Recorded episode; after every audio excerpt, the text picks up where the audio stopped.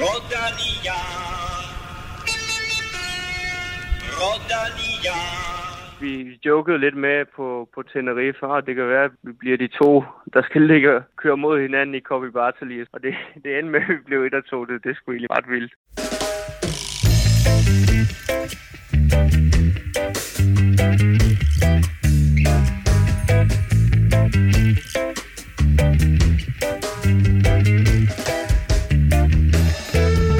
Vi har måske haft den bedste danske cykelog nogensinde. Fem danske sejre og en samlet etabeløbssejr blev det til. I sandhed en historisk bedrift og en magisk tid for dansk cykling. Størst af dem alle var Kasper Asgrens vanvittige sejr i E3. Du kan høre interview med kampvognen fra Kolding lidt senere.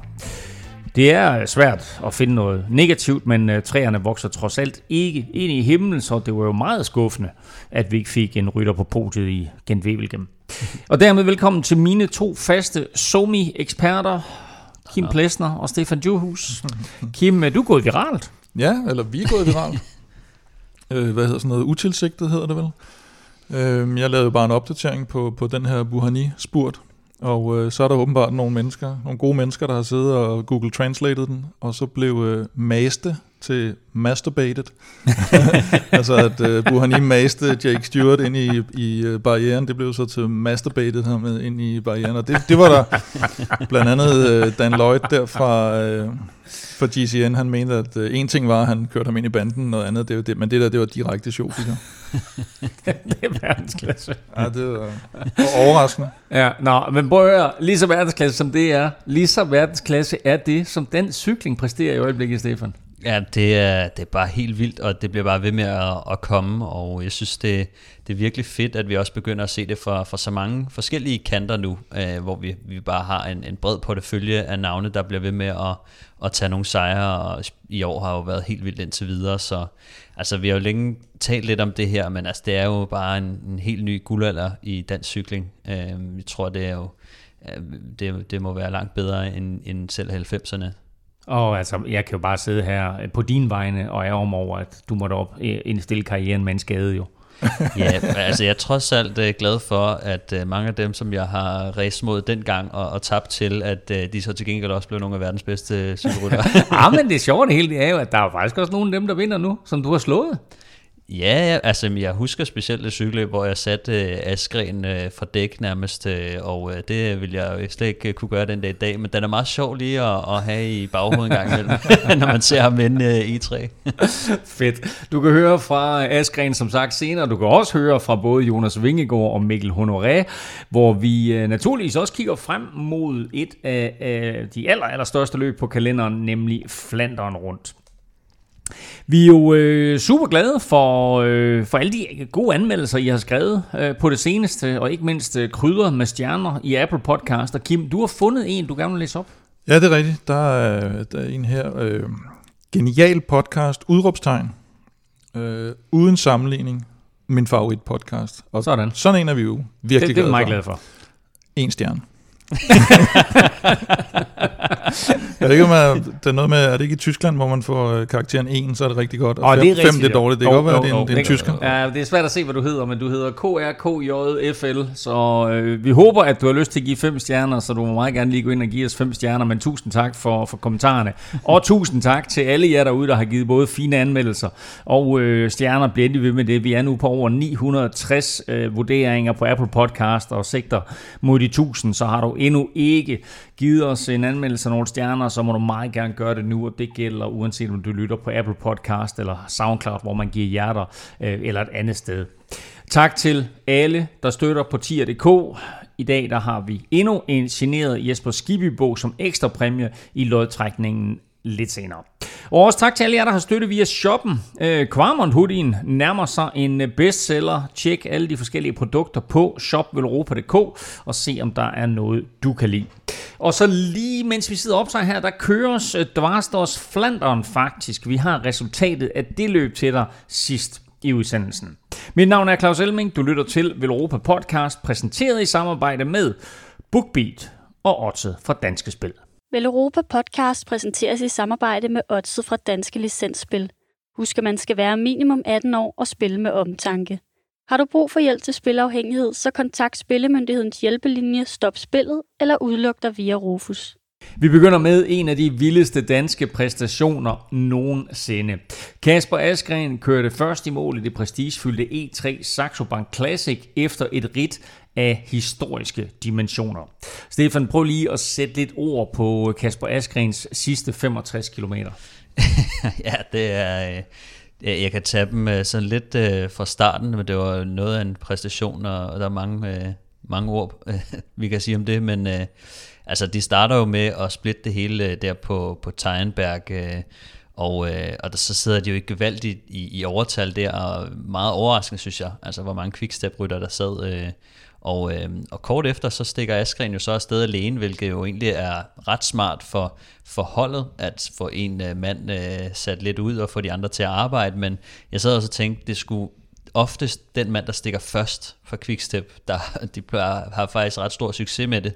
Øh, så det er også ret, øh, ret vigtigt at, at være den første, der kommer afsted, fordi de er så gode til at lukke resten af cykelløbet ned. Øh, og så sidder han jo derude og øh, holder bare skruen i vandet, øh, i vandet hele, Øh, hele vejen. Altså han kører jo bare ene mand, øh, får han jo bare Fanart og Van der Pol og øh, Van Avermaet og de andre til at arbejde, og de, de går jo bare langsomt kolde, til trods for, at han sidder altså så kort ude foran, at der er virkelig ikke ret meget tid, men han holder den bare kørende hele tiden. Øh, så det ender jo også lidt med, at, øh, at de kommer med de her små angreb, fordi de, de får sgu ikke rigtig lukket ham, og det kører måske ikke helt så godt, øh, så de ender med at køre det her elastikkørsel, hvor man jo bare bruger øh, flere, mange flere kræfter, end det Askren han øh, ligger og kører med derude. Øh, og der bliver det så bare lukket fuldstændig ned af Stybar og Senechal. Øh, så bliver han jo så i sidste ende, eller kan man sige, hentet der med de der 12 km igen, hvor han så bare lige, han sætter sig ned bagved, tager ikke nogen føringer, og det er jo helt fint, at han gør det. Altså de tænker jo, han er smadret, så han, det er jo okay, han sidder der. Der sidder han så lige 7 km, og så, øh, så laver han så det sidste ryg der. Øh, og, det er jo klogt det der, fordi der kommer de til sådan et heldanlæg. Og, ja. øh, og Jamen, det er alle, det, venstre om, og så slår han den højre om, og så ser de ham ikke igen. Og det, han sidder faktisk og får øje på det der heldanlæg, og det er jo bare et, et, et rigtig smart øh, lille move at gøre, fordi at når man angriber, så vil man jo helst ikke have folk med på dæk, og øh, en ting er at komme med et overraskelsesangreb, øh, hvor de andre ikke lige kigger tilbage, og man kan komme med fart på og sådan noget. Men den simple måde, den er jo også bare at, at finde, finde sådan en midterhælde, hvor man siger, jeg kan i hvert fald lige få et par sekunder, hvor I, hvor I ikke kan komme ind på dæk af mig, og så får man i det mindste et lille hul. Så det var en meget, øh, meget fed lille detalje, øh, han, øh, han lige udnyttede der, synes jeg, bare lige for at få, få åbnet det, det lille hul. Jeg er ikke sikker på, at, at han selv, eller de havde regnet med, at han alligevel også kunne køre den hjem, men øh, der blev i hvert fald øh, panikeret øh, på fuld, fuld hammer for, for alle de andre øh, lige der øh, den dag. Og så holdt han, øh, efter sit andet angreb der, der holdt han øh, alle de andre stangen, og som du også sagde, altså så forsøgte øh, Mathieu van der Poel flere gange og, og lukke hullet, fik hver gang stige bare på hjul, og til sidst så opgav han jo altså van der Poel, og så kørte... Ja. Øh, så kørte Kasper Askren i mål øh, alene til øh, stor jubel for andre, også til stor jubel for sig selv. Mm. Man kunne høre ham. Nu er der selvfølgelig ja. ikke så mange tilskuere og så videre, men det var et jubelbrøl af dimensioner. Øh, og det er jo ikke kun Kim i Danmark, at vi sidder og kipper med Dannebro. Altså det her det er en sejr, som virkelig har, øh, har fået international opmærksomhed ja, også. Det, det er klart, at vi, altså hver gang der er en dansker, der vinder, så er vi jo så er vi med på vognen der og, og sidder og jubler. Men, øh, men den her, det var jo, og det var igen det hele, det var jo Askrens vedholdenhed, styrke og kørsel, det var det taktiske element, hvordan de skabte det her overtal, hvordan de dækkede af, og det var den kamp, der foregik bagved. Altså, der blev ikke, mm. de sad jo ikke bare og kiggede. Det var ikke sådan, han bare fik lov at køre med 20 minutter. De sad virkelig og kørte vedløb bagved. Så alt det her øh, kogt sammen, det gør jo, at også, øh, altså selv den objektive tilskuer, han, han fik, øh, fik smag for sådan en vedløb der. Jeg tror også, at faktisk lige med Van der Pol og Fanart har måske også fundet ud af, at de har jo før kunne bare gå op og føre og, mm. og trække det hele øh, fra hinanden, fra spids nærmest. Men jeg synes også, at nu begynder man faktisk at se, at de har fundet en eller anden form for løsning på de to, som problem er. Mm. Fordi det åbnede øh, langt ud fra sig.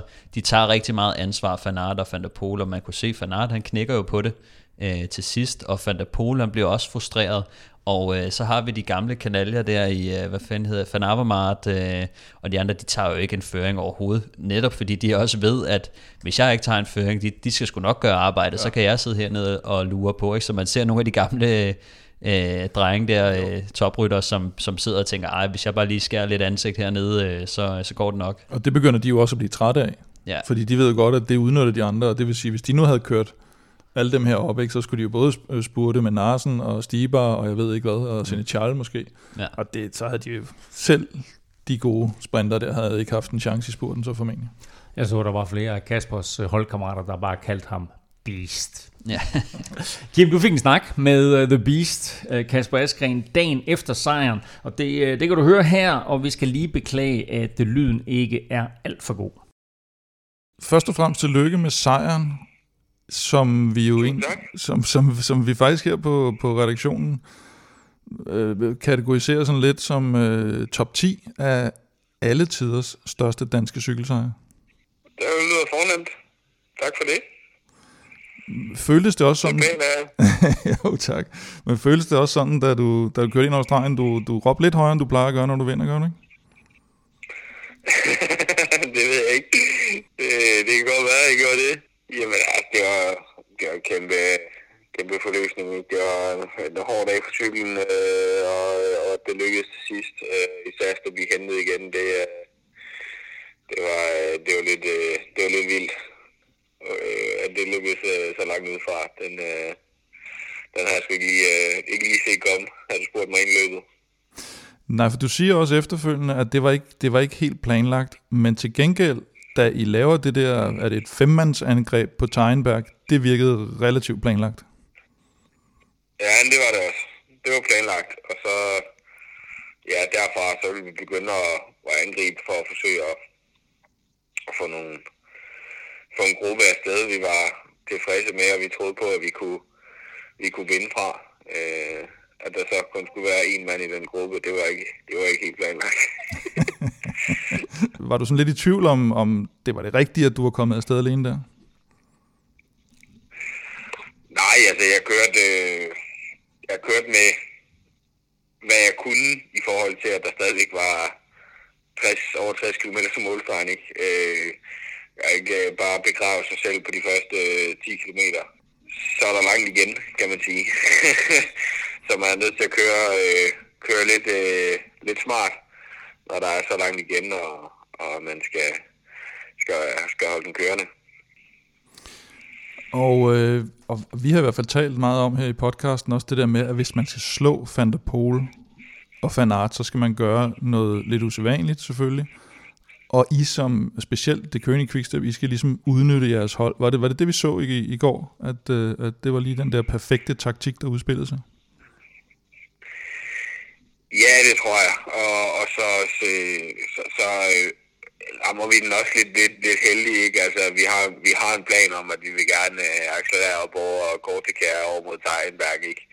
Men, men at sidde der øh, syv mand, det, øh, det, det, det, var, det er lidt exceptionelt, ikke? Altså, vi havde også snakket om, altså, det der, det er vores punkt, men altså, sidder vi der med øh, tre eller fire mand, så kører vi også fordi jeg sidder der med syv mand, det er umuligt.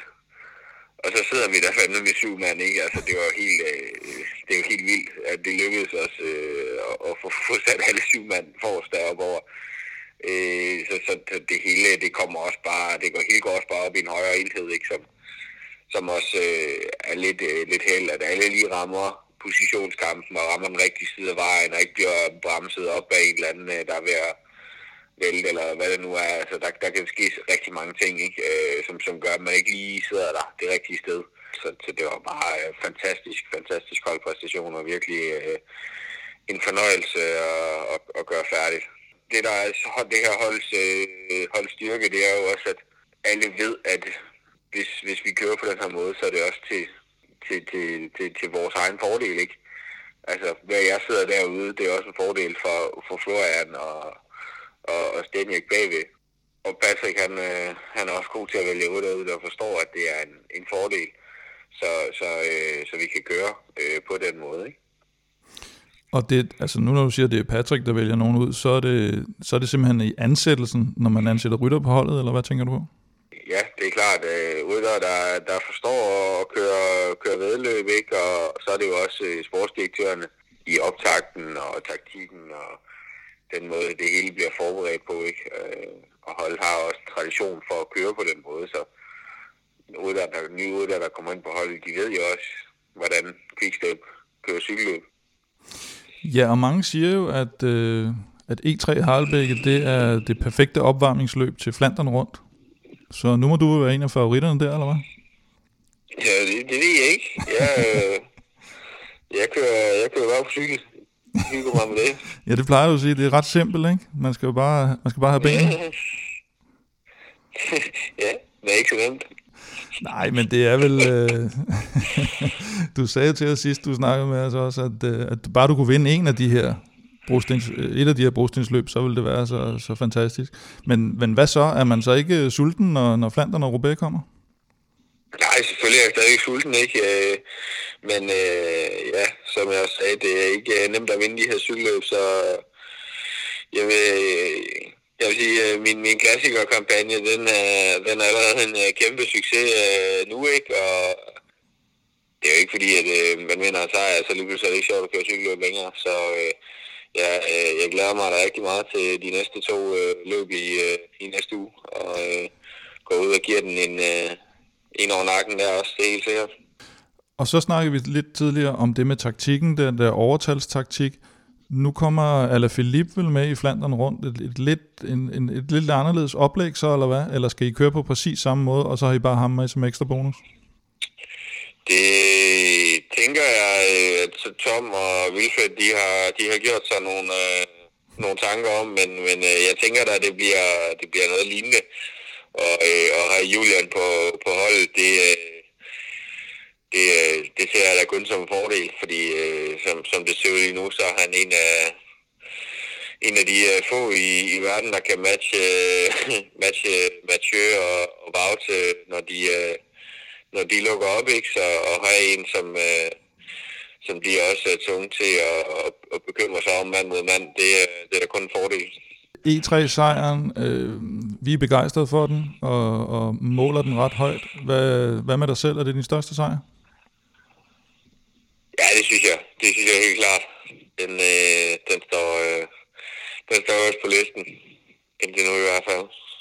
Og ikke blot var det Kaspers største sejr nogensinde, det var en af de største i dansk cykelhistorie. Lige om lidt så giver Kim der sin top 10 over danske cykelsejre gennem, siden, øh, gennem tiden. Men, øh, men først, Stefan, øh, så lægger jeg mærke til her, at Askren, han taler, han taler om Tom og Vilfrid. Hvem er det? Mm. Øh, jamen, det er jo to af uh, sportsdirektører på holdet. Øh, den ene Wilfred Peters, og den anden Tom Steels, som jo begge to er tidligere cykelrytter af den gamle skole, og øh, har øh, nogle rigtig store sejre øh, selv. Øhm, og ham med Wilfred Peters, øh, som de kalder Fitte, han er jo... han spiller jeg fodbold med. hvilket, han, hvilket, hvilket han ikke rigtig er. altså fit. Øh, jeg ved ikke, om, hvad, hvad det betyder på svensk. Det betyder noget helt andet, gør det det? Åh, oh, det er noget andet. Nå. Øh, han, de er selvfølgelig begge to belgier, øh, og... Øh, Wilfred Peters der, han, er jo, han, han var jo god i 90'erne, hvor han blandt andet har vundet øh, Gen Wevelgem, og øh, været på podiet i Paris-Roubaix øh, to gange, tror jeg. Så øh, masse topplaceringer i brostensløbene, og giver ham jo bare en helt speciel erfaring, og har også været en af de der ryttertyper, der, øh, der kunne, kunne komme ud og hænge lidt, ligesom øh, som Askren han gjorde det i, i 3. Tom Steels, han er en, øh, sådan lidt en, en sprinter-type, øh, også lidt all-round øh, gut, som har jeg tror, han er, har rekorden for flest øh, belgiske mesterskaber. Jeg tror, han har fire. Um, han har vundet Gent Wevelgem to gange, Omloop, og vundet øh, ni turetapper. Så han er, han er også en, øh, en stabil øh, gut, øh, de har på holdet der. Jeg kan huske, huske ham specielt for 97, øh, en turetap, hvor han, øh, det er sikkert mange, der har set, hvor han, øh, ja. hvor han bliver svaret i, i spurten, og så tager han sin øh, dunk ud, af dunkholderen og tyre den på en anden rytter midt i det tror, hele. Det var, var det Moncassin, eller hvad fanden var det? Han? Ja, det jeg tror jeg, det var. Jeg tror, det var. Og, og han ender så med at blive smidt ud af Tour de France, øh, hvad hedder det, øh, efter etappen der, så det, det, bare det viser lidt om, hvilken øh, ryttertype han også kunne være i hvert fald. så det er altså nogle meget, meget øh, erfarne kræfter, øh, de har øh, i sportsdirektørbilen. Øh, ja, og det er klart, at der bliver lagt øh, taktik her, og, og der er nogle taktiske aspekter, og et af det, som du bragte på banen tidligere, det er det der med, at, at Kasper er den første, der får lov til at køre, og så holder han hjem, som vi har set andre. Det kønne quickstep rytter at gøre. Men hvis man nu sammenligner Kasper med Fanart, og med Mathieu van der Poel. Og vi har, vi har siddet her og talt, øh, hvor flot øh, det er, at Mathieu van der Poel, han kører udefra i Bink Bank, og han kørte udefra her i et andet løb for ikke så længe siden. Øh, det var kørende øvrigt, hvor han så bliver hentet. Øh, nu gør Kasper det. Altså, er han ikke næsten på niveau med de to drenge der? Jeg vil sige, at jeg, jeg tror, at de to andre er mere komplette rytter et eller andet sted. Øh, men hvis vi taler om at køre 65 km udefra, øh, så kan det godt være, at Askren er på niveau, måske endda øh, lidt, lidt bedre, fordi at vi har set øh, den måde, Van der Pol gør det på. Han går jo kold mod enden, altså det betyder jo bare, at han ikke har den samme øh, dieselmotor i sig. Han har godt nok en turbo, der sparker røv, men, øh, men Kasper han er bare til det, Kasper gør, der er han bare exceptionelt god. Øh, men det kræver også, at han, han får den rolle, han gør, og han øh, kan køre på de tidspunkter. Så, så lige det, han gør i E3, det tror jeg, der er meget, meget få, der kan, øh, der kan gøre efter. Heller ikke øh, Fanart og Van der Pol, men selvfølgelig kan de gøre det, men jeg tror, Kasper han som minimum er på, på niveau med dem der. Det er i hvert fald øh, fedt at se øh, Kasper gøre det igen. Han gjorde det også i kørende sidste år, hvor han, øh, hvor han kørte alene til mål. Kim, øh, det her det var øh, karrierens største sejr for ham. Øh, han vinder E3 Saxo Bank Classic. Han gør det foran øh, holdkammeraten Florian Seneschal, Senechal, som, som faktisk slår Van der Pol i spurten. Og som nævnt, så har du så lavet din helt egen top 10 liste over de flotteste danske sejre ever ever. Hvordan ser den ud? Det er jo så den officielle liste. Det er en helt officiel ja, liste. det, det er sikkert den eneste, altså, der det er godt nok der har lavet Er det, er det den officielle Europa-liste? Ja, det er bare officielt. Okay, okay. Det er bare officielt. Nej, men det er, jo, det er jo noget med det der, både måden, den bliver vundet på, og, og hvem det er, man kører imod, og om der var et eller andet specielt ved det. Ikke? Og det er Askren er jo også det der med, at han bliver hentet, og så kører igen. Det er jo det, der er det helt exceptionelle ved, ved, ved hans sejr. Øhm, og så kan man sige, at det er ikke samlet sejr, altså det er ikke Bjarne Rises Tour de France sejr, er ikke med i spillet her. Det er etaper og en dags løb. Så vi har, og de er ikke ranket, det er bare blevet, de er udvalgt dem her til top 10. Ja, det, det, kunne, det kunne være, at vi skulle lave sådan noget somi halløj Det kunne være, vi skulle ranke dem på et tidspunkt. Nå, men det kunne være, at vi skulle lade vores, lyttere, vores cykellyttere ranke dem. Nej, det synes jeg bestemt ikke. Okay. så er de bare alle mulige mærkelige meninger og sådan noget. Det gider vi ikke. Nej, det, det kan godt være faktisk. Men øh, på, på den her officielle liste, øh, så kan vi de jo lave en uofficiel liste. Der er det jo selvfølgelig Askren, vi har, er så kommet ind i det gode selskab her. Og så har vi selvfølgelig Mads P's øh, VM i Yorkshire. Fantastisk sejr, den øh, behøver man ikke at fortælle nogen om øh, Ris på øh, Otakam i øh, jeg med manuskriptet skrevet 1966. Det er tidligt nok, men må ikke det er 96, øh, hvor han kigger øh, konkurrenterne an og kører op og vinder Otakam i den gule trøje. Det var, det var også en magtdemonstration. Og faktisk året efter, så laver han jo den her i Amsel, der minder en lille smule om, om det Askren laver. Han sidder i det, i, i det afgørende udbrud, så punkterer han og bliver pissesur, fordi de ikke venter på ham. Så kører han så op til dem og kører fra dem og vinder i ensom majestæt i Pæsøs regnvejr i, i Amsel. Den var altså også... Øh, var det i Dannebrugstrøjen? Det var også i Dannebrugstrøjen, ja. ja, netop, som, øh, som Askren også gjorde. Så har vi selvfølgelig øh, Rolf Sørensens to øh, monumenter, øh, Liège og Flandern, og, øh, og Fuglsangs Liège i øh, 2019, hvor man næsten mest husker, øh, der hvor han er ved at styrte oh, ja, ind mod målet der, ja. hvor, hvor han får den redde rundt i, på nedkørselen der. Det, øh, det er igen øh, en, en, en stor sejr monument selvfølgelig. Øh, Michael Rasmussen mod Contador 2007, øh, lige inden Rasmussen bliver taget ud af, af Tour de France. Øh, Per Surt tror jeg, det er, de kører op til, og den der legendariske duel, de har på vej op, og Contador forsøger at komme væk fra ham, og, og det lykkes ikke. Også en, en, en helt fantastisk sejr.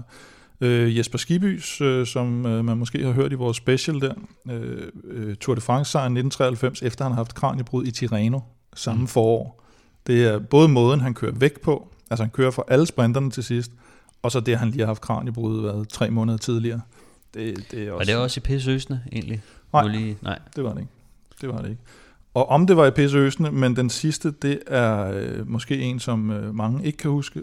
Ole Ritter, som bliver professionel kører sit første Giro d'Italia, vinder enkeltstarten foran øh, blandt andet Anquetil og Felice Di Monti og Eddie Merckx i, øh, i 1967. Det, det er også en, en okay skal blive at tage. Jeg ved om du er født i 69. Ja. Altså, du husker den heller ikke sådan... Jeg kan heller ikke huske den. Nej.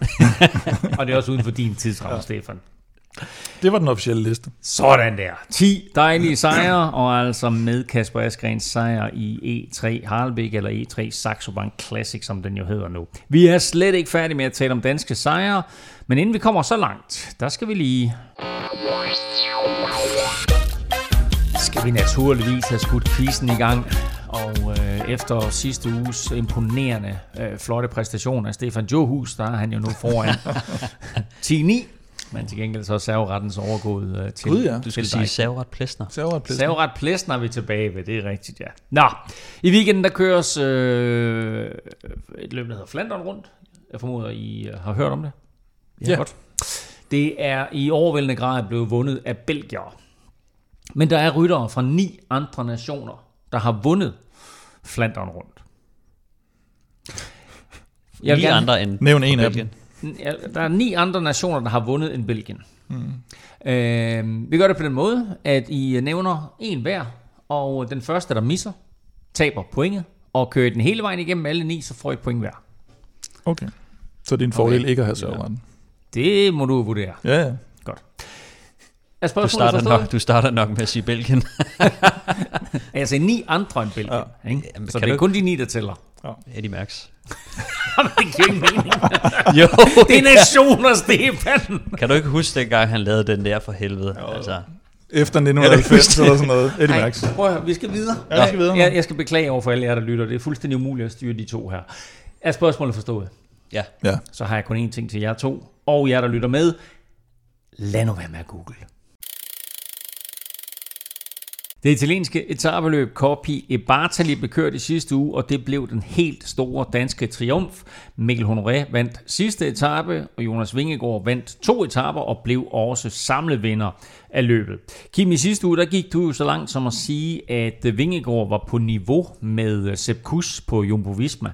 Var det her, var det faktisk beviset? Det beviser i hvert fald, at han kan klare presset. Altså at blive udnævnt til det uh, Vel Europa podcast. Ja, den er god med øhm, og så synes jeg, det viser, at, at eller de, holdet, synes jeg, i deres sådan, uh, social media uh, udtryk, var meget sådan, uh, det der sammenværken, eller hvad de har deres logo, altså vise billeder af alle de, de, de her holdkammerater, der lå og havde hjulpet ham til sejren. Altså, at det var en holdpræstation, og de bakker op om ham og sådan noget. Og det, det tror jeg både giver Jonas noget øh, personligt, og så, så, så er det jo også, så alle andre kan se, at, øh, at han måske får en lidt større stjerne. Også øh, eventuelt nye arbejdsgiver, der går og kigger rundt omkring. Stefan, du er sådan lidt mere skeptisk. Hvad siger du til øh, Jonas' vilde uge i Italien? Ja, måske er det altså skeptisk og skeptisk. Altså, jeg tror mere, at jeg skal til at trække i land. Ej, jeg, altså, jeg kender jo... Kan her lige en lille fiskestang, så Ej, øh, altså, jeg, jeg har aldrig været i tvivl om, at Jonas øh, skulle komme, men altså, hvis vi snakker om sådan noget øh, niveau lige her og nu-agtigt, øh, der var jeg sådan lidt mere i tvivl, men jeg tror, Jonas, han er øh, til en langt højere grad en mand, som kommer til at vinde cykelløb øh, frem for Sepp Kuss, men hvis man sammenligner med øh, de, de høje bjerge og etabeløb, der har Sepp Kuss jo leveret noget arbejde, øh, ikke fordi han selv har gået så meget efter det endnu i hvert fald, så har han ligesom været next in line hos øh, Jumbo Visma i, i, i hvert fald i 19 og 20, ikke? Øh, så, så lige på den der, altså hvem kommer til at lave det bedste Tour de France resultat den dag, der, der er jeg faktisk stadig i tvivl, øh, fordi jeg tror stadig, at Sepp Kuss han, han har et enormt potentiale øh, i, i de høje bjerge, måske ikke for at vinde, men, øh, men jeg tror, Jonas i, i sidste ende kommer til at levere, et, øh, levere flere sejre øh, på bordet end Sepp Kuss. Jeg fik en snak med øh, Jonas Vingegaard tirsdag og fangede ham sådan umiddelbart efter en træningstur med en øh, recovery-drik i, i hånden og en baby i baggrunden. Jonas Vingegaard, fedt at du har tid til at være med i Vel Europa podcast. Ja, ja, selvfølgelig. Det er, det er mig en ære. Det er også en ære. Øh, jeg skal lige høre dig, hvad skal I her spise i aften? Det ved jeg faktisk ikke. Det, øh, det, det, det tror jeg ikke, vi har... Øh... Jamen det var bare fordi, jeg, jeg, jeg tænkte på, hvad der var blevet af den der skinke, du vandt i Italien. Nå, for det, jamen, jeg har faktisk fået noget af det med hjem. Jeg har godt nok øh, ikke lige fået pakket det ud endnu, så det kan godt være, at den skal på køl. Men øh, Og altså, Jonas, to etappesejre og en samlet sejr i Corpi Bartali. Hvad skete der lige der? ja, men det, er jo, det er jo selvfølgelig mega fedt. Jeg synes, formen var god. Jeg havde været på højdestræningslejr lige inden. Og, og jeg gik jo bare efter, efter sejrene, så, øh, så, så jeg er jo egentlig bare mega glad for det. Og et er at kravle op af store bjerge og så videre. Hvordan er det at kravle op på det øverste trin på podiet på sidste dagen? Jamen, det er, det er mega fedt. Det, det er første gang, jeg vinder et tabeløb samlet, så det, øh, det synes jeg er mega fedt. Jeg har, været, jeg har før været tæt på, hvor det så er, er glippet, men, øh, men nu, øh, nu lykkedes det så for mig, og det er jeg rigtig, rigtig glad og stolt over. Du har kørt øh, rigtig flot hele året, du har leveret store resultater. Var det her sådan lidt dit gennembrud på den internationale scene?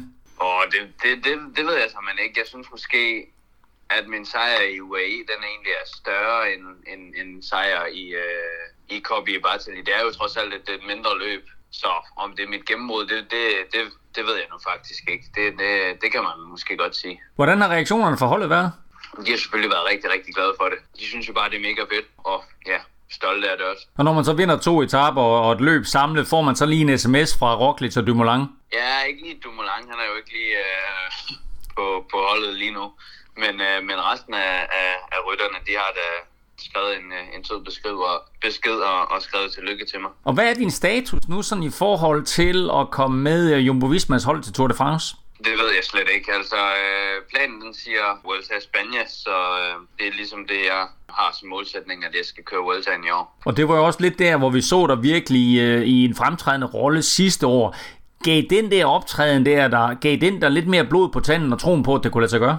Ja, det vil jeg da synes. Altså, jeg synes, ja, som du siger, at, at jeg ligesom gjorde det godt, og, og det gav mig måske noget, noget selvtillid og, og tro på, at jeg, at jeg måske kunne være med de bedste. Så jo, helt sikkert. Nu nævner du selv uh, UAE-sejren, og vi ser dig to gange her i Copy uh, vinde, og, og jeg lægger mærke til sådan en opadspurt, du har.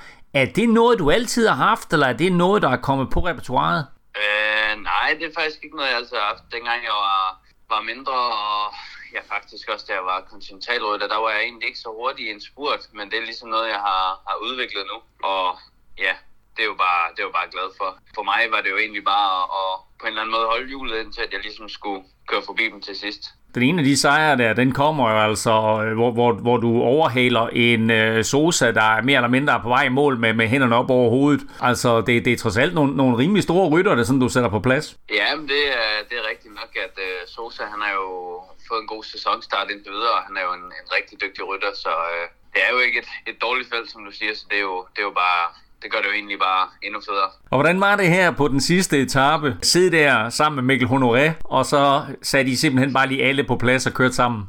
Jamen, det, det var sgu egentlig også ret fedt. Altså, det kom egentlig lidt uventet, fordi han, han rykkede egentlig, og så prøvede jeg egentlig bare at, at køre efter ham. Egentlig ikke for ligesom at, at, at rykke med ham, men egentlig mere for at forsvare mig selv. Og så, øh, det var så på en nedkørsel, og da jeg så kiggede bagud, så var der ikke nogen hjulet på os, og så blev vi egentlig bare enige om, at nu skulle den bare have, have fuld gas til, til målstregen. Og så tog du ham med både til målstregen og op på podiet? Ja, for den.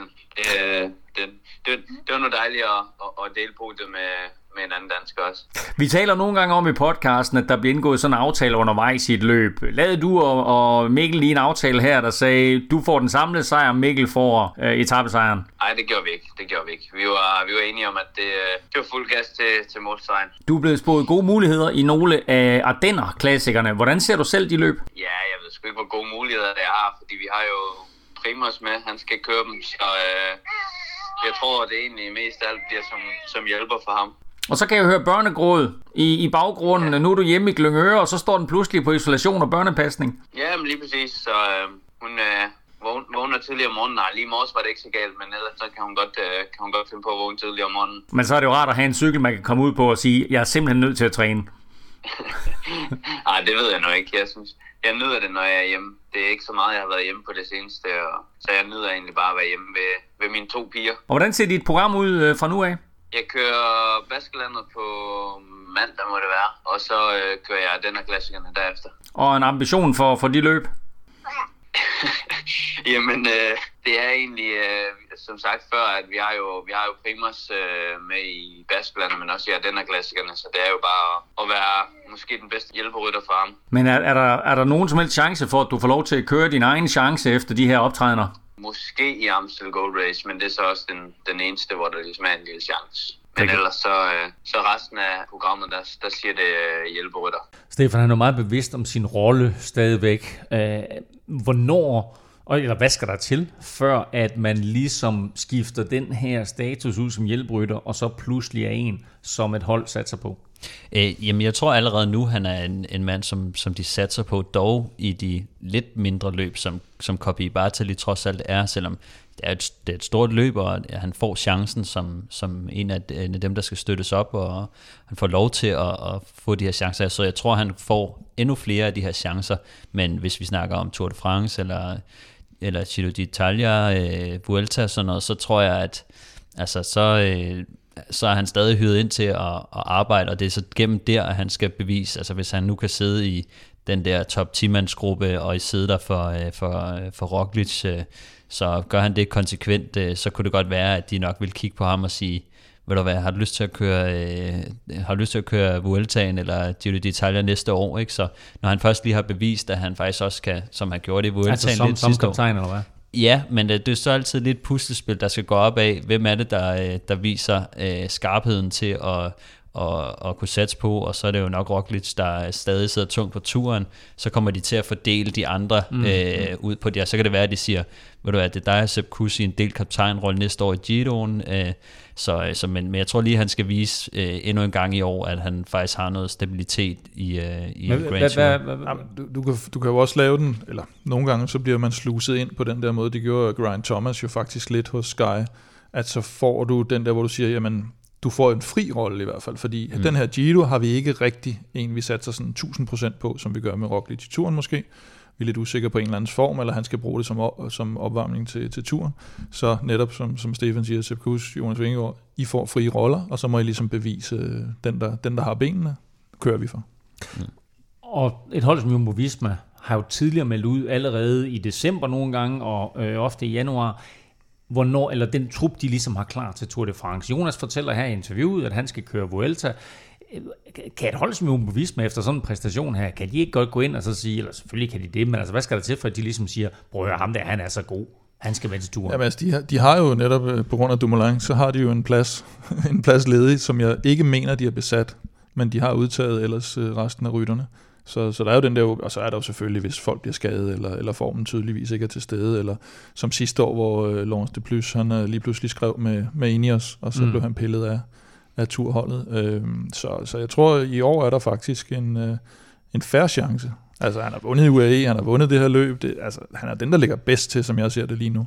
Det vil jeg sgu også sige, altså, og, men det er jo så også igen sådan lidt en, en form for tilpasning ind i programmet, ikke? Altså passer det lige at smide turen ind, så skal vi måske finde en anden til Vueltaen eller sådan et eller andet, ikke? Så der er også lige lidt, lidt puslespil over det, øh, med hvordan det lige skal hænge sammen, men bare det, at han kommer, kommer til Vueltaen, synes jeg er stort, og, og så kan det også være, øh, blive ret spændende at se, hvordan han gør sig i de her Ardenner-klassikere, fordi at de vil nok stadig satse på, på Roglic som udgangspunkt, men det er jo ikke lige så stramt sat op, altså hvis øh, det kan være, at Jonas skal få lov at angribe lidt tidligt. Øh, de der endagsløb er jo, er jo lidt anderledes end, end Tour de France, hvor man går all in på at beskytte en rytter, så der kan man godt skyde nogle rytter lidt af sted og, og teste dem lidt af, og som kan hjælpe taktisk på nogle andre måder, end at bare sidde og, i, og, og dække, ham, dække kaptajnen ind.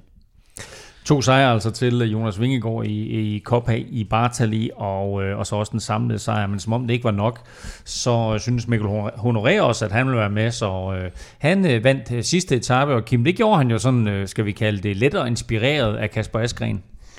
Ja, men han gjorde det ikke bare lettere, men fuldt ud inspireret af Kasper Askren, men jeg, jeg har hørt, at der er nogen, der har talt med ham.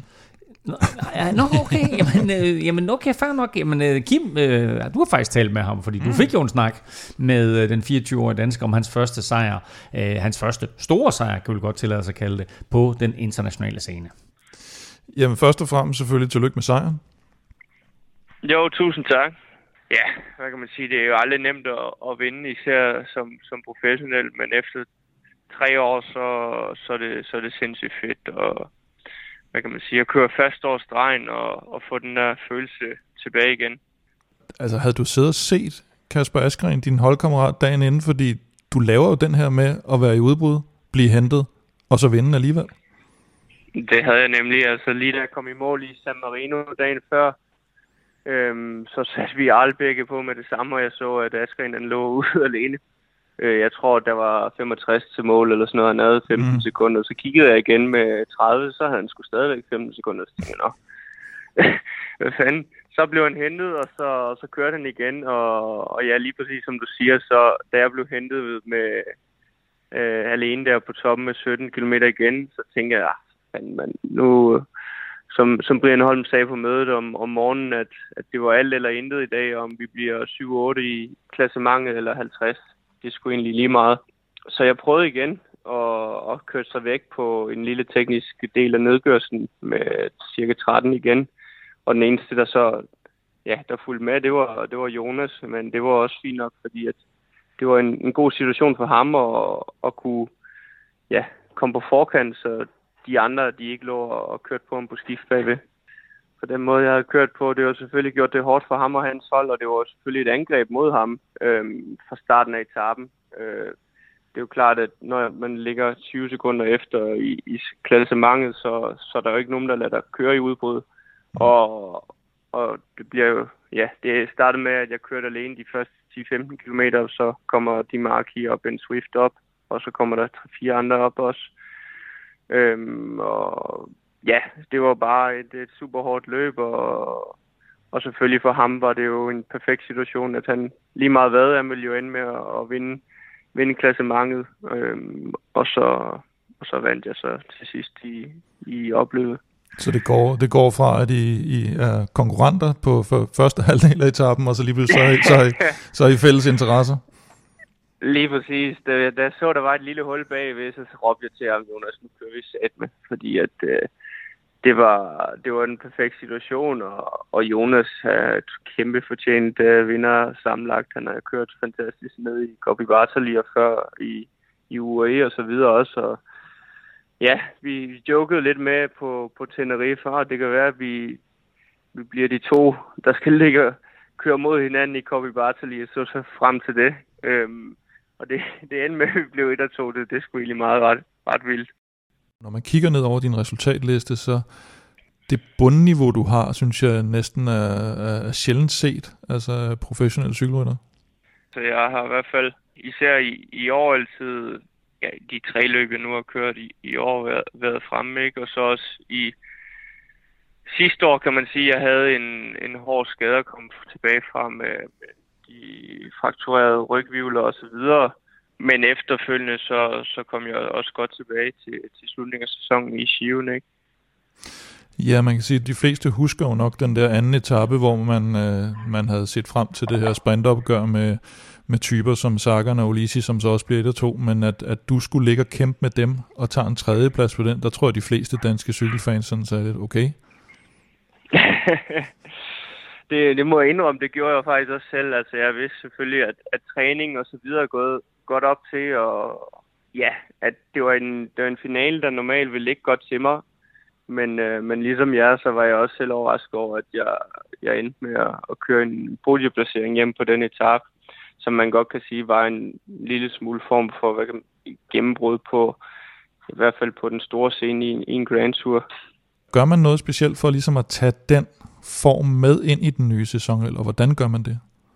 Som rytter, du lærer konstant noget nyt om, om dig selv, især som forholdsvis ny på, på Worldturen, så, så føler jeg konstant, at jeg er i en, en læringsproces og, og forstår, hvordan jeg skal træne øh, anderledes og så videre for, for at få et bedre niveau. Og efter Shiven, så, så handlede det om at få, få hvilet godt, og så var mit mål også at, at fortsætte den gode bølge fra slutningen af sæsonen sidste år startede ud godt. Øhm, med en masse god, øh, god træning over vinteren, og, og ja, det kan man sige, det lykkedes så også. Din klassikersæson, hvad, hvad står den på?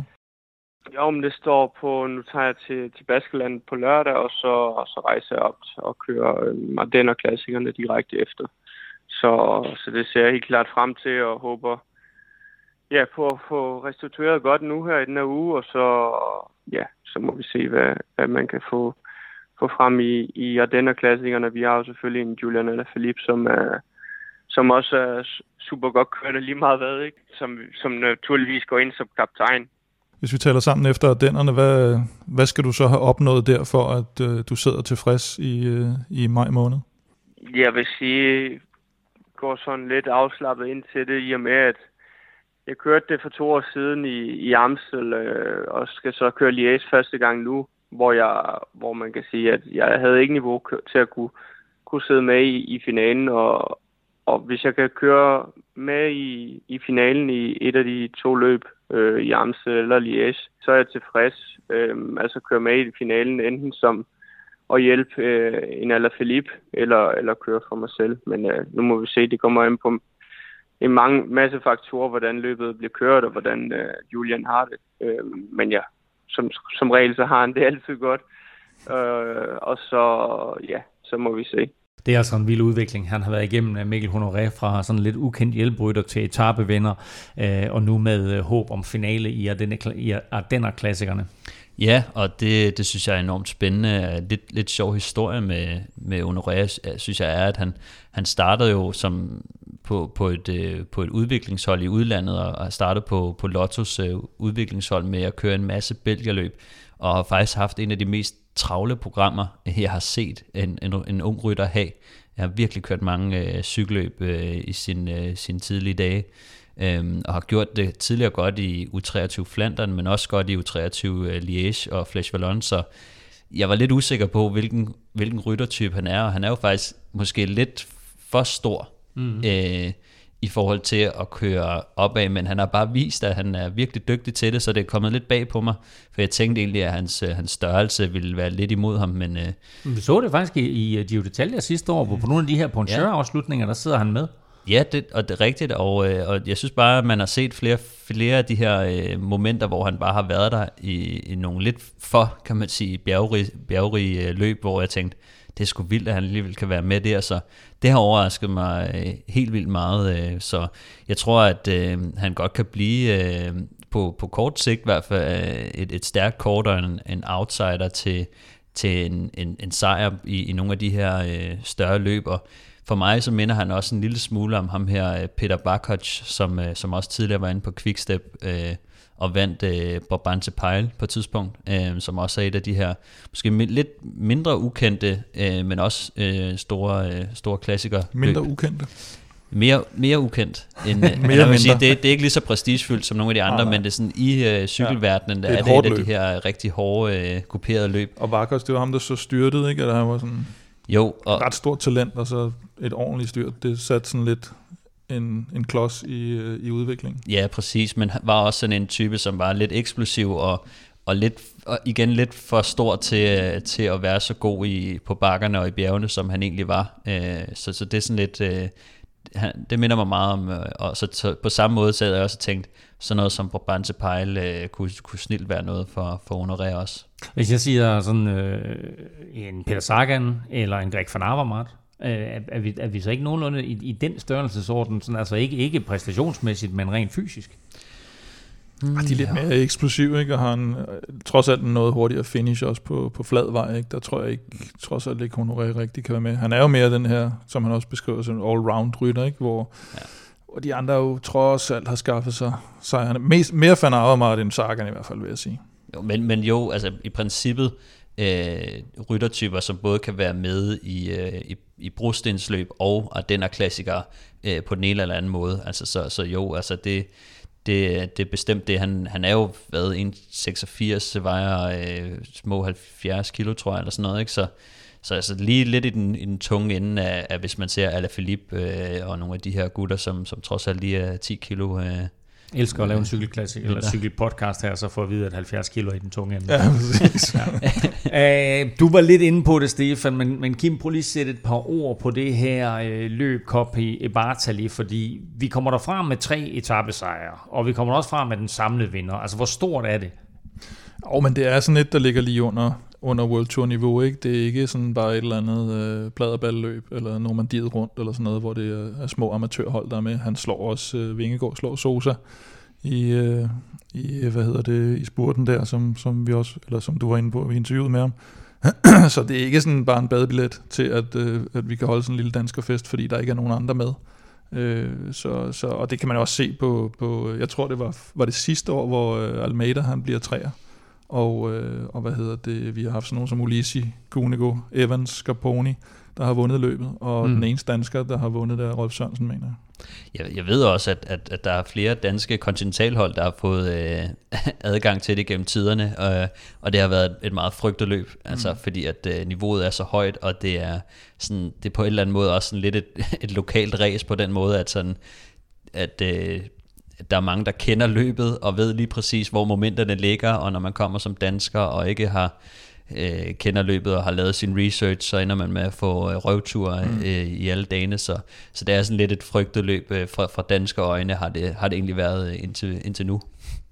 Copy i Bartali blev en stor dansk Tour de Force, tre danske etappesejre med Jonas Vingegaard samlet etter foran Mikkel Honoré på løbet samlet andenplads, og så med Nick Schultz fra Bike Exchange på tredjepladsen. Det har aldrig været så nemt og billigt at lytte til lydbøger som med BookBeat.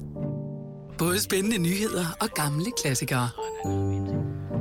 Kom i gang med det samme på BookBeat.dk. Lidt senere kan du vinde den nye Jesper Skibby-bog, men uh, skulle du ikke være den heldige, så kan du faktisk lytte til den helt gratis. For du uh, får en måned på BookBeat kvitterfrit ved at gå ind på bookbeat.dk vel Europa. Og Kim må, må sige, at øh, den her, vi har ikke nævnt den så tit i år øh, i, Nej, i podcasten, men, men hashtag vel Europa-effekten blev jo øh, lynhurtigt øh, noget, som, som mange ønskede at få øh, at være en del af, og vi må bare konstatere, at den gælder ikke kun løb og rytter, den gælder faktisk også bøger. Ja, det er, det er meget fantastisk. Og øh, vi kørte jo den her både Jesper... Meget fantastisk. Det er meget fantastisk. fantastisk. fantastisk. Det er fantastisk. Øh, Jesper Skiby Special har vi kørt, og vi har den med på den her anbefalede Og vores Jesper Skiby Special skal vi lige sige, at det er en ekstra podcast, Special podcast der, der ligger derinde som man kan lytte til. Og, øh, og så har vi den her liste på, på BookBeat, hvor vi anbefaler en masse øh, cykelbøger. Og øh, simpelthen, om den så ikke ryger ind og bliver den mest øh, lyttede sportsbiografi på BookBeat. Og nummer et på ikke mindst, og hold nu fast, Trenderlisten. Wow. Nå, jamen øh, du kan også blive trendy, så øh, gå ind på bookbeat.dk, skråstreg Europa og lyt til En gang var jeg Jesper Skiby. Uh, som Kim også sagde, så har vi altså lavet vores helt egen Velropa podcast, anbefaler bogliste. Tjek den ud, der er masser af fede cykelbøger, men der ligger naturligvis også et hav af andre spændende titler på BookBeat, så prøv det nu i en måned på bookbeat.dk-velropa. Det er nemt, det er lækkert, og husk, det er helt gratis, og du støtter Velropa Podcast, og du må gerne dele linket med øh, andre i din omgangskreds, venner, familie, arbejdskolleger, etc., etc., etc. Gå ind nu og prøv en måned på bookbit.dk-velropa. Nu skal vi tale om noget så kedeligt som et løb uden en dansk vinder. Gent Wevelgem blev kørt øh, søndag, og det blev både en vindblæst og hæsblæst affære. Allerede inden rytterne ramte øh, øh, de første brostenstigninger, der skete den afgørende udskilning, efter de har været over Kemmelberg for tredje og sidste gang. Der kom en lille gruppe på syv mand til mål, og her viste Wout van Aert sig som den hurtigste og slog blandt andre Nizzolo, Colbrelli og Trentin i spurten. Men det vigtigste moment, det kom måske 20 km før mål, hvor Quicksteps supersprinter, som sad i den her her gruppe pludselig sad og kastede op, mens han forsøgte at hænge på frontgruppen. Og der kaldte du den faktisk på vores interne tråd, Stefan, omgående. Han er færdig. det er godt kaldt der. Ja, det, lige der, der, der var det i hvert fald helt sikkert. Øh, ej, jeg synes, jeg havde set den øh, komme i hvert fald. Øh, men da han så sad og brækkede sig, så blev det da i hvert fald helt tydeligt, at... du var jo lidt nervøs, da han sad med over Kemmelberg der, ikke? Jo, jo, vi sad jo og chattede livligt der undervejs, og jeg havde tænkt, nu, nu, nu kniver den. Ja, nu da han, han så brækkede, så tænkte jeg, nu, nu er det slut. Ja. For jeg har prøvet det der før, hvor at, øh, man sidder, man er simpelthen så presset. Altså kroppen, den, den kan ikke tage imod noget som helst. Så hver gang du øh, hælder noget ned, så, øh, så ryger det bare op igen. Øh, så lige den der følelse kendte jeg godt, så tænkte jeg, at det der, det er i hvert fald slut. Altså, det, det var helt sikkert, men hold kæft, hvor var jeg egentlig imponeret over, hvor lang tid han, øh, han kunne sidde med. Men man ved også bare med sprinter, at de kan virkelig øh, trække sig selv ud, øh, hvor det hele sortner. Øh, og, og det er så sjovt med sprinter, fordi den måde, de har, altså den måde, deres øh, fysik er bygget op på, er jo så eksplosiv, så de har, enten har de 100% at give af, og næste øjeblik, så har de 0%. Øh, så jeg sad egentlig bare og tænkte, lige om lidt, så, øh, så, så, så, så står det helt stille for ham. Og, øh, og det skete jo så også øh, til sidst. I det hele taget så, så vi noget så usædvanligt som et øh, det kønne quickstep-mandskab, der var på bagkant. øh, ja, nærmest hele løbet igennem, og øh, altså kun havde øh, Bennett med der i front. Øh, men den havde du set komme, øh, Stefan. Hvad var årsagen til det? Åh oh, ja, altså okay, nu, øh, nu behøver jeg måske... det var ikke fordi, jeg vidste 100% at det var ske, men, men øh, jeg var lidt bekymret, da jeg så, at de havde udtaget en decideret sprintertrup til Ken Wevelgem. Bestemt, når man også tænker på, øh, hvor meget det skulle blæse den dag, øh, og det betyder så, at løbet bliver 10 gange hårdere. Øh, og, og så når man lige kombinerer det med de her øh, bakker, der er, og Kemmelberg, øh, og man så kører sidevind lige bagefter, så er der ingen pausemomenter, og det ved man er svært for, for sprinter, som, øh, som ikke har den der lange, lange udholdenhed, som, øh, som nogle af de andre øh, ryttertyper har. Så da jeg så, det var Bennett, øh, Mørkøv, øh, Bert van Leerberke og øh, øh Stein Steels, øh, og så Ballerini også, som var på holdkortet. De havde jo reelt set kun, øh, var det øh, øh, Yves Lampard og... Øh, og Stibar med, som jeg tænkte sådan, så har de altså kun to mand, der kan være der i, i sådan en finale. Øh, og øh, så, så når man lige øh, lægger det til, at de bliver taget med, med bukserne nede her i øh, De Myten, som er den her lille øh, berygtede by i, øh, i Belgien, hvor man bare ved, at øh, vinden står ekstra kraftigt ind fra siden. Øh, de kører langs sådan en lille kanal også.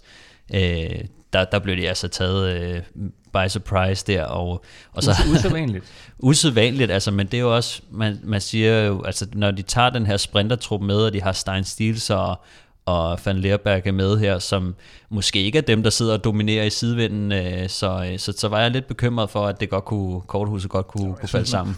Man ser det jo faktisk meget tydeligt også, der på et tidspunkt, hvor der bliver lidt samling, og Mørkøv kommer op igen, så ser man jo det der med, at lige så værdifuld han er som lead hvor han jo formentlig er verdens bedste lead lige så værdiløs, og det er meget hårdt ord, er han egentlig, når han kommer op der? Fordi de kan ikke bruge ham til noget, fordi han har egentlig brugt nok alle sine kræfter på at komme op, og han lægger sig ikke op og tager lige sådan 20 minutters føring, som man kan se øh, Kasper Askren gøre nogle gange.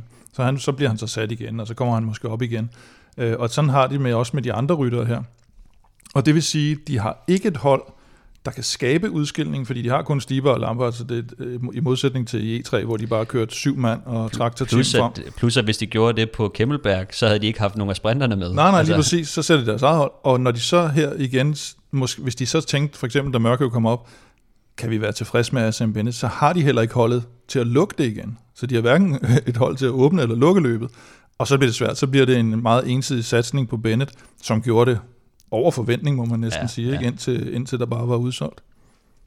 Søren Krav sad øh, længe og kæmpede for at komme op til frontgruppen, men øh, til sidst der slap kræfterne op, og så måtte han øh, nøjes med en 35. plads som bedste dansker. Og der må man jo bare spørge sig selv, altså hvad sker der lige for det? En 35. plads, det er jo pinligt. ja, det var, man kan lige så godt, hvis ikke man kan vinde, så øh, altså, øh, nummer to er den næste, er den første taber, ikke? så det kan lige så godt blive nummer 35. Nej, øh, det var, det, var, det var vist det, man kald, kalder en dag til glemmebogen. Øh, jeg, jeg sad jo opdateret sociale medier og sådan noget, og det var bare som om, at det tikkede bare det ene ind efter det andet. Ikke? Først med, med Mads P. der på grund af corona, og Mikkel Bjerg var syg, stillede ikke til start heller. Kasper P. styrter og brækker kravebenet, Mads Wirtz udgår med, sy- med sygdom og sådan noget, og, og, og de to sidste, de misser jo simpelthen øh, resten af, af brostensklassikerne nu. Ikke? Og det der med, at, at øh, Kasper Pedersen styrte, det, det har du mere information om, Stefan? Ja, jeg prøver lige at spørge ham ind til, hvad der er sket, og lige sige, at jeg håber, at operationen gik godt, og alle de her ting. Øh. Men jeg skulle lige høre, fordi jeg har ikke set det, hvad der egentlig var, der skete, og han forklarer det som om, at, at de kommer fra en normal vej til de her klassiske belgiske veje her, hvor der er sådan to øh, store betonplader ved siden af hinanden. Øh, og så ligger de ellers i sådan nogle øh, ja, kæmpe blokke. Det skaber så sådan en midterrille på vejen. Og når man så kommer fra en almindelig vej over på de der plader der, man vil helst ikke sidde i nærheden af den der midterrille, og det er så det, der kommer til at ske i et kort moment for, for Kasper. Og øh, han og øh, en anden rytter, der sidder foran ham, kommer så ned i det her, den her rille, og Kaspers forhjul sætter sig lidt fast dernede og øh, mister balancen. Da han så får revet forhjulet op igen, så øh, har han øh, overvægt, og han ender med at flyve af vejen øh, og, og køre ind i et træ. Og øh, det er så inde i det her træ, at, øh, at øh, kravbenet desværre øh, ryger. Og dermed altså exit for, for Kasper Pedersen i, øh, ja, vel, vel sagtens, hvad skal vi gætte på, en, en 6-8 uger som, øh, som, som minimum. Til gengæld så, øh, så blev det trods alt øh, til en øh, dansk øh, topplacering, øh, fordi øh, Stefan øh, Emma Norsgaard, hun øh, fortsætter altså med at vise god form. Hun blev øh, nummer 9 hos kvinderne. Ja, og det er altså måske ikke lige, det må jeg sige, efter en øh, helt vild stime af, af de andenpladser, hun har taget i, i kæmpe store løb, øh, så kom vi lige et, et lille hak ned her. Uh, jeg synes stadig, det er imponerende for hende, at hun, hun sidder øh, i finalen. Det var en meget hektisk finale, hvor der blev rykket fra, på kryds og tværs. Øh, men, øh, og det, det kunne faktisk godt have lignet en, en rigtig god finale øh, for Emma, som slutter i sådan en samlet spurt. Øh, men, øh, men hun er der ikke lige helt, og øh, det, det, det, jeg kom til at tænke på det, fordi hun, øh, hun har hun meldte sig fra til Dvarstor Flandren øh, øhm, for at være klar til, øh, hvad hedder det, til, øh, til, til Flandern rundt. Øh, så, så jeg, jeg sad og tænkte lidt på, at det, det har nok været lidt, en lille smule træthed, der lige gør, at, øh, at hun lige øh, indstiller sig. Hun er nok kommet ud af det her løb og tænkt, at jeg skal lige bruge en lille pause for at, for at komme tilbage igen og, og genvinde øh, formen der. Emma er i god form, og det er tier.dk også. Vi er nu på den rigtige side af de 700 igen.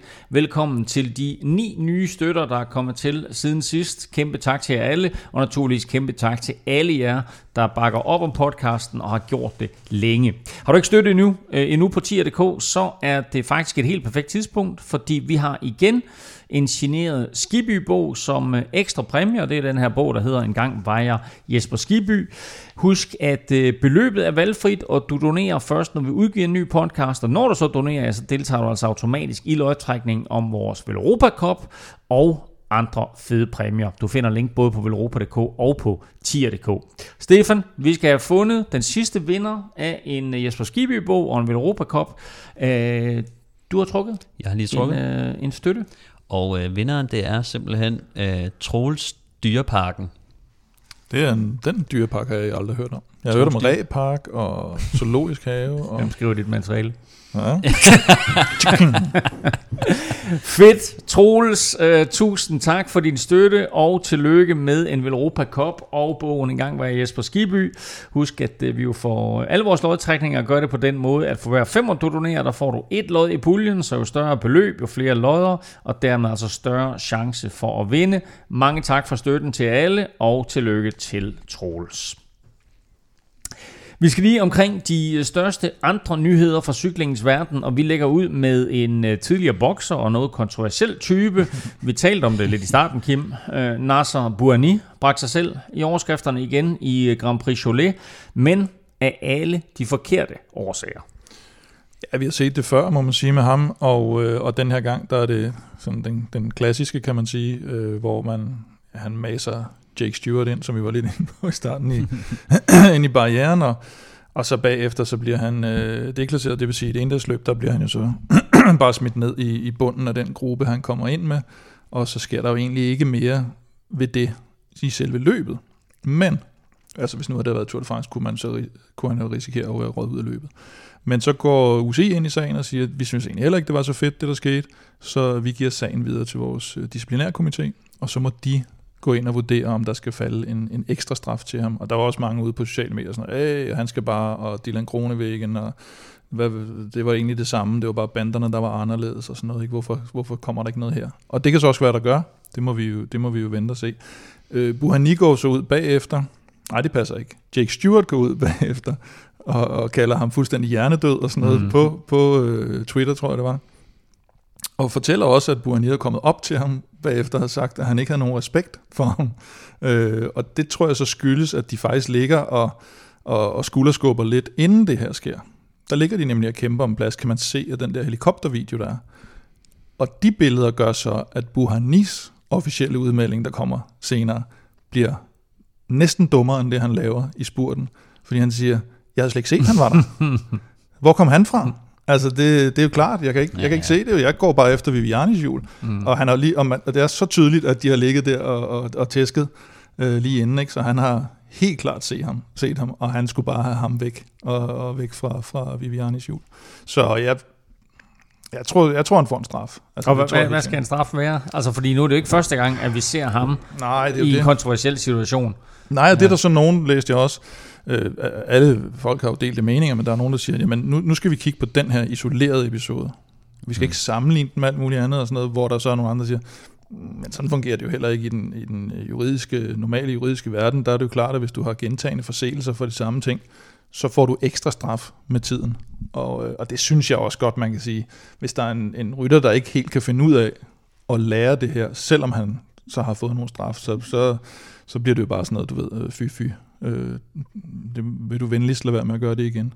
Og det er ikke så godt, når det, når det måske kan handle om øh, folk, der bliver slået til lirakassement, som man så med Røvnevæggen. Og præcis det der. Eller for, ikke med Røvnevæggen, med Fabio ja, med, for, med, ja, og hvad hedder det, men, men lige nok til Røvnevæggen, og den straf, han får, er der også mange, der synes var, var urimelig hård.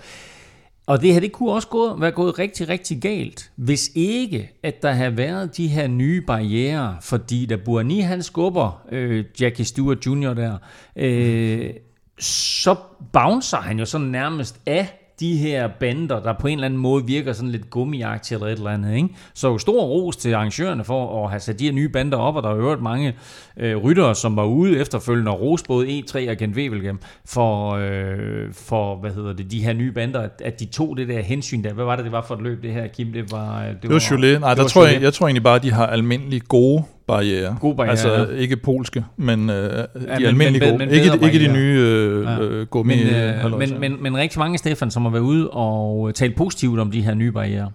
Ja, og det, de er jo også, det er jo noget, som UCI har, har kigget på nu og har sat i værk, at, øh, at der skal simpelthen gøres noget ved de her øh, barriere. Det, det, det duer ikke. Og en af de Øh, nogle af de ting, som de, øh, de har talt om, altså vi har jo, altså det har længe været et problem med de her fødder på barriererne, for eksempel, som man har prøvet at fjerne, øh, specielt i, altså i spurten selvfølgelig, ikke? Øh, nu øh, er man så øh, sat det i værk, at øh, man gerne vil have nogle øh, barriere, som der er lidt mere vægtet, øh, så de ikke er så, øh, så, så lette og, og ikke øh, bliver blæst rundt i vinden, og hvad, hvad man ellers har set, når, når barriererne der, de nogle gange kan, kan flytte sig et eller andet sted ude på ruten eller i finalen.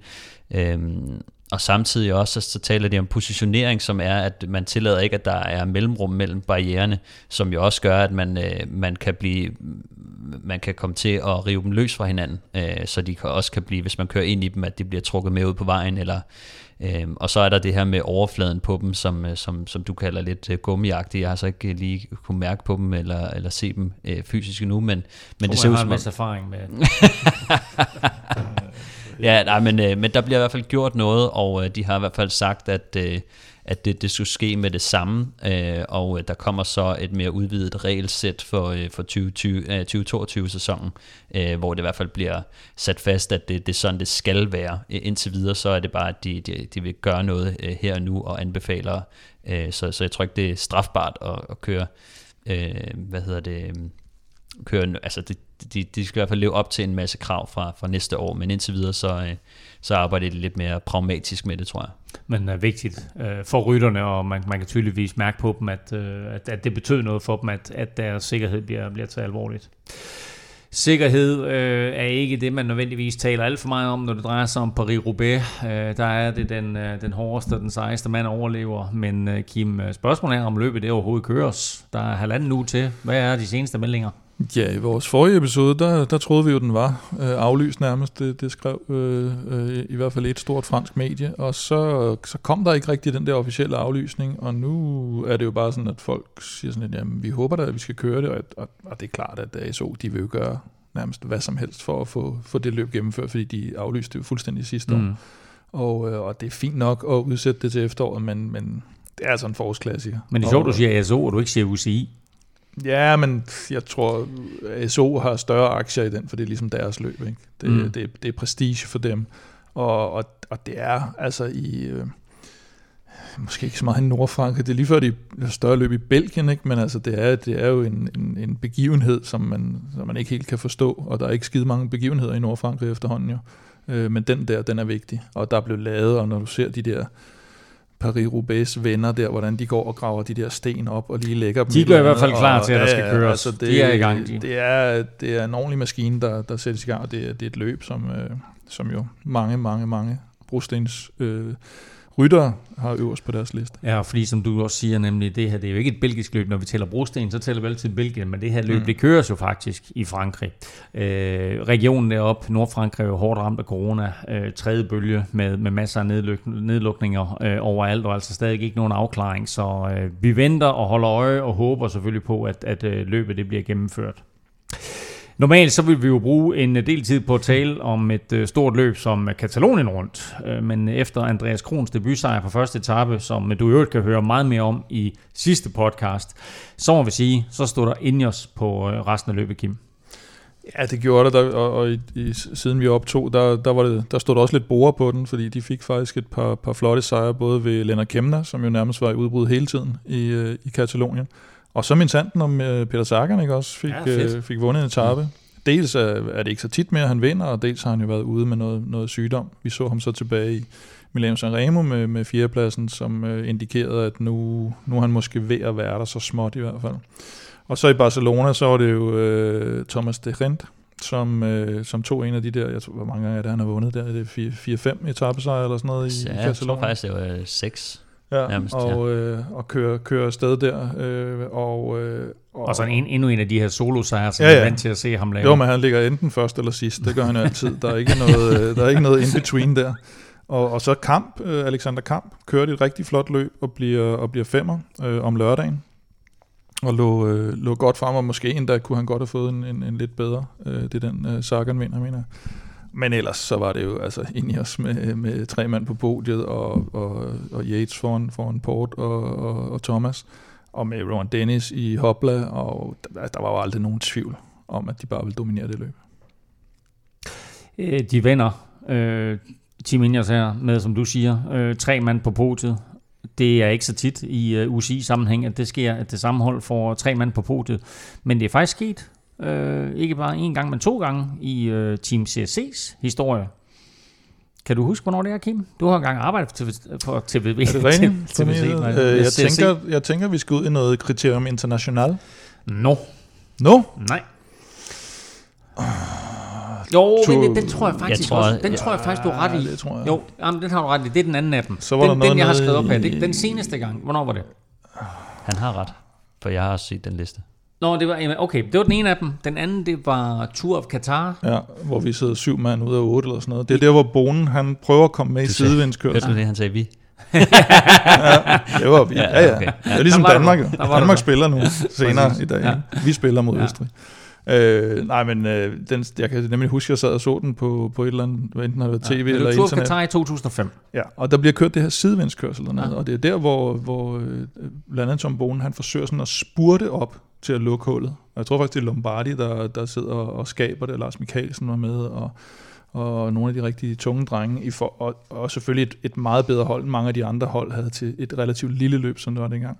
Og Bonen, han mangler de der 2, 3, 5 meter, og han kan simpelthen ikke lukke det der sidevinds. Altså det var, mm, det, var det der mm. eksempel mm. på, det hjælper ikke noget, du er verdens bedste cykelrytter. Altså du, du kan ikke, du kan ikke, du kan ikke hamle op mod otte andre. Altså. Du kan ikke vinde over overmagten i det der. Det kan du simpelthen. Otte andre og vinde, det kan man ikke Nej. besejre. Øh, det blev 1-2-3 øh, til Team CSC der i Tour of Qatar i 2005.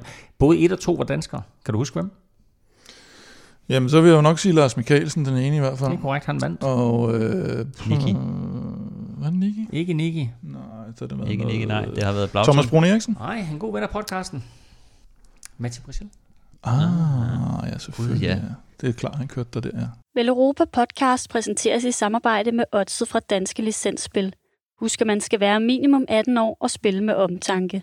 Har du brug for hjælp til spilafhængighed, så kontakt Spillemyndighedens hjælpelinje Stop Spillet eller udluk dig via Rufus. På søndag køres det løb, som Kim og mange andre synes er højdepunktet på den årlige cykelkalender, Flandern rundt. Løbet er langt i år, 264 km med 22 brostensstykker, heraf 17, der går opad. Det går være, at de kalder Roubaix for helvede i nord, men det her, det må så betegnes som forgården. Og øh, normalt så øh, spørger jeg jo så Kim, hvad det er, der gør det her løb så specielt, men øh, i dagens anledning, der synes jeg, at vi fra vores Jesper Skiby Special lige skal have Skiby til at sætte nogle ord på Flandern rundt. Det, der er så fantastisk ved, ved Flandern rundt, det er den der citron, der er. Både blandt tilskuere og også holdene. Så der er det der pres, og den der citron, og den der forventning, og alle belgier derude at kigge. Ikke? Det, er, det er faktisk rimelig ubeskriveligt. Det er helt unikt. Det er i min optik det største endagsløb, der findes. Jeg synes, det var så fedt med de mennesker. Jeg synes, det var så fedt med den måde, den blev kørt på. Det, så det passer mig faktisk rigtig godt. De uheld, der også sker undervejs, det er det der med, at man, man må aldrig give op, for man kan komme tilbage igen. Man kommer tilbage igen. Altså, det er hele tiden det der med at sige, Nå, nu er det kørt. Det er der ikke noget, der hedder. Belgierne vil jo slå ihjel. De vil jo sælge deres egen mor for at vinde det løb. Det, det, det eneste, de satser på, det er Flandern rundt, og så er det fuldstændig ligegyldigt med resten af sæsonen. Stefan, hvorfor er det her løb så meget sværere at vinde end så mange andre? Det er jo først og fremmest svært, som, som Skiby siger her, altså at, øh, at folk vil jo dø for at vinde det her cykelløb, og det betyder bare, at, at der kommer folk, der er så top klar, og de giver aldrig op, øh, så det er en evig, evig kamp øh, til stregen, den her. Øh, Men også fordi, at der er så ekstremt mange øh, små detaljer, momenter og hacks undervejs. Altså det kan for eksempel være, øh, hvilken side af vejen ligger brostenene lidt bedre, eller lige her på det her tidspunkt er det faktisk meget godt at sidde fremme. Øh, og, og det gør jo så bare, at man kan spare, spare på kræfterne øh, og, og benytte den erfaring, man, man har øh, med, med den slags cykelløb. Øh, og, øh, og så også grundet de her smalle veje, indsnævringer og mange sving, der er i løbet. Øh, det gør jo, at, at der ikke er så mange, der kan sidde i de gode positioner forrest i feltet øh, hvor det var bedst at sidde, så man ikke hele tiden skal køre den der elastik op til, til feltet igen. Øh, og når der er så få pladser om de gode, øh, eller øh, når der er så meget, så få pladser øh, af de gode pladser i feltet, så, øh, så bliver det også bare være en, en ekstra stor kamp om, den, om de få pladser, der nu er. Øh, så, øh, er du stadigvæk med, Kim? Ja. Jeg vil bare have sagt positionskamp. Når der er, der er få gode pladser, og det der er mere mindre, positionskampen. Mindre end mere. Ja, ja, det var lige mit Lars Lykke moment her, ikke? men, øh, men det gør jo også bare, at det, det, det er et løb, som kræver noget, øh, noget meget erfaring og, øh, og et godt hold, der kan hjælpe øh, der, der sådan som samlet flok kan gøre det samme, som vi ser, at Quickstep altid er gode til. Det spiller bare en, en ekstra stor rolle, og jeg prøvede, jeg så engang sådan en liste omkring, hvilket cykelløb er det sværeste at vinde, hvor de så havde udregnet det med udgangspunkt i, hvor mange gange skulle man have kørt løbet i gennemsnit, før man mm. vandt løbet. Og der var Paris-Roubaix i top, øh, kort efterfulgt af Flandern rundt. Og jeg tror, det var sådan noget seks gange i, i gennemsnit øh, hvis jeg ikke husker helt forkert i hvert fald, at man skulle have kørt løbet, før man sejrede sådan i gennemsnit. Og det synes jeg er, er ret meget. Altså, at øh, man, det kræver bare, at man har meget erfaring med, med netop det cykelløb, øh, og den slags cykelløb i det hele taget. De har jo igennem årene lavet ruten sådan lidt om, Kim, øh, og det, det er også, et, som jeg lige sagde, et rigtig, rigtig langt løb i år. 263 km, næsten 20 km længere end sidste år.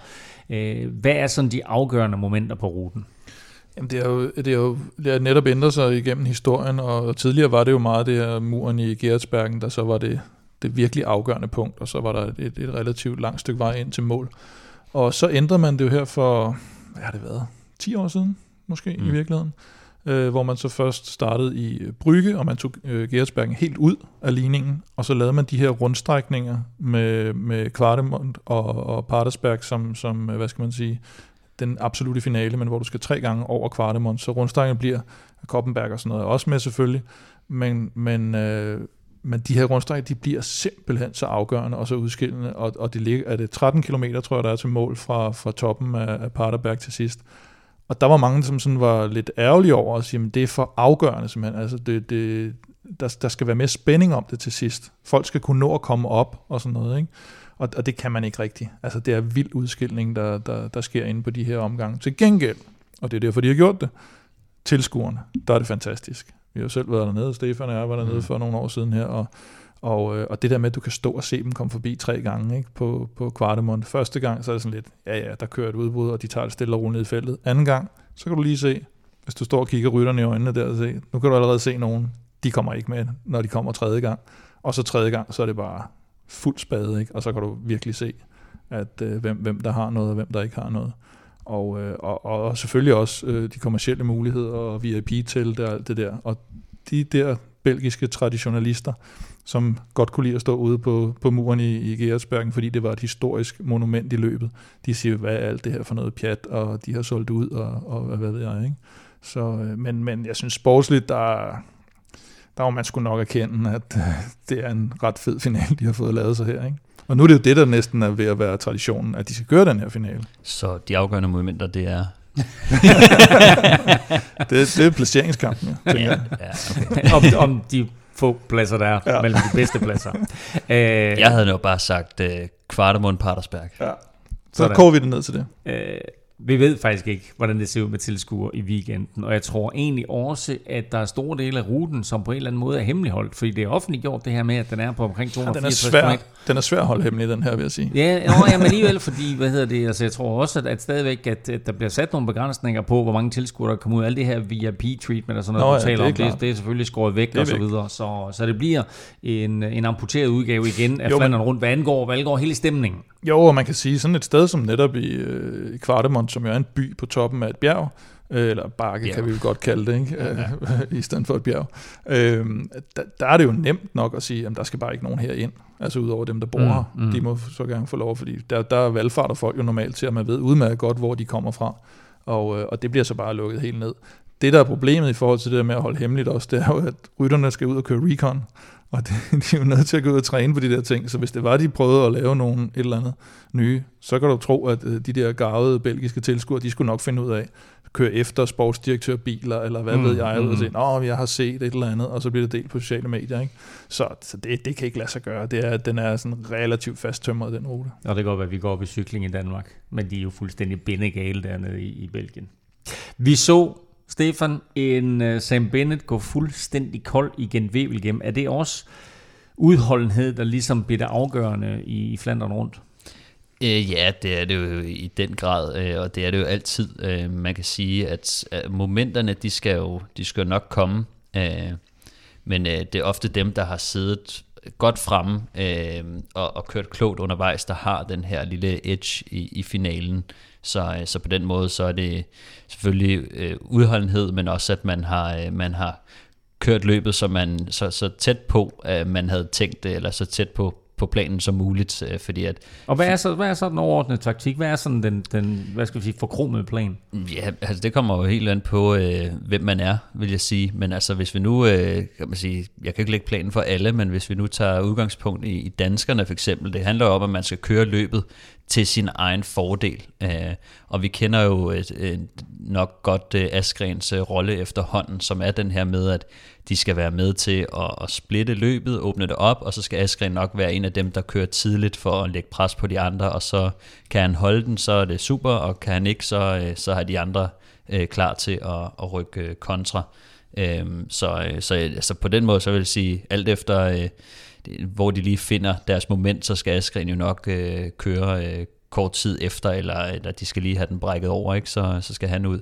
Hvis man nu tager sådan en som, som Valgren, øh, som jeg også har døjet lidt med, med en skade, eller sin, øh, sin fingre der, han har brækket, øh, og måske ikke er lige præcis der, hvor han skal være endnu. Øh, det, det ved vi jo selvfølgelig ikke, men altså, for ham vil jeg nok øh, prøve at satse på at køre, øh, køre lidt på forkant, som vi også har set øh, nogle af danskerne gøre det før. Både Askren og Mads P. har gjort det i Flandern rundt før. Øh, det kunne Valgren måske også gøre, og så måske prøve at søge og skabe nogle momenter lidt tidligere, for eksempel sådan noget som øh, Leberg og Bellendri, som kommer efter 150 km. Det er, det er forholdsvis tidligt, øh, men det er til gengæld nogle stigninger, som måske passer lidt bedre til ham, end for eksempel Koppenberg gør, som er en ultra øh, kort og stejl stigning, øh, som kræver meget eksplosivitet. Der er Leberg og Bellendri sådan lidt, kan man sige, ikke så, så hårde i det, og, og, og det passer nok øh, Valgren øh, en lille smule bedre. Øh, så for eksempel sådan, som Søren Krav ville nok sige, han skal nok prøve at prøve så godt som muligt at sidde og lure, lure den af på, på Quickstep og øh, holde øje med Fanart og Fantapol og prøve at se, om man ikke kan komme med der, fordi han har virkelig styrken til at gøre det. Han skal med ind i finalen, og så skal han derfra øh, prøve at finde ud af, hvad han lige har lyst til og kan gøre på dagen. Og vi håber på, at, at Søren han er tip-top igen øh, til på søndag, fordi han øh, har meldt ud, at han havde lidt sygdom, eller var lidt sløj her i, i ugens løb op til Dvarstors Flanderne. Øh, hvem kommer til, altså hvilke hold, Kim, kommer sådan til at sætte tonen i løbet? Det gør det König Quickstep jo. øh, helt overordnet set, og det gør de altid i de, i de store brostensløb, og, og der kigger alle ligesom på, hvad er det for, for en måde, de kører på den dag, og der har vi været inde på det her med, nu har de Alaphilippe med, hvordan vælger de så at mm. placere ham? Øh, sidste år gjorde de det, at de bare sagde, du kører bare med de to andre der, så kom der en motorcykel i vejen, det var ikke lige efter planen, men der lavede de den og sige, det er fint nok, vi er tilfredse med, at han kører med Van Aert og Van der Poel. Det kan godt være, set i lyset af for eksempel Asgrens sejr, at de siger, det gik sgu egentlig meget godt det der. Selvom vi har Alaphilippe med, så kunne det måske være, at vi skulle prøve at køre, køre den taktik her i, i Flandern, fordi vi er for usikre på, om han rent faktisk kan vinde, øh, hvis de kommer hjem. Og noget andet er selvfølgelig om, om Van der Pol og Van Helt er der, vi så, øh, kan vi godt afsløre, fordi nu er Dvarstor færdig, at øh, Van der Pol måske så enten slidt ud, eller at han bare kørte det som opvarmning. Så, så hvor er de andre? Det er også vigtigt for dem. Og så er der meget spørgsmålstegn, synes jeg, ved, ved, ved de andre, fordi normalt Bora og Trek vil nok være de største hold, og jeg så også, hvem var det, der snakkede om det i Gent Wevelgem, hvor de ikke rigtig kunne øh, det køning, hvor de sagde, at det er fordi, øh, at vi manglede de, de andre hold, der normalt hjælper os. øh, og, og her der har vi haft alt det her corona. Bora var så tilbage nu her. Sagan kommer først tilbage til weekenden.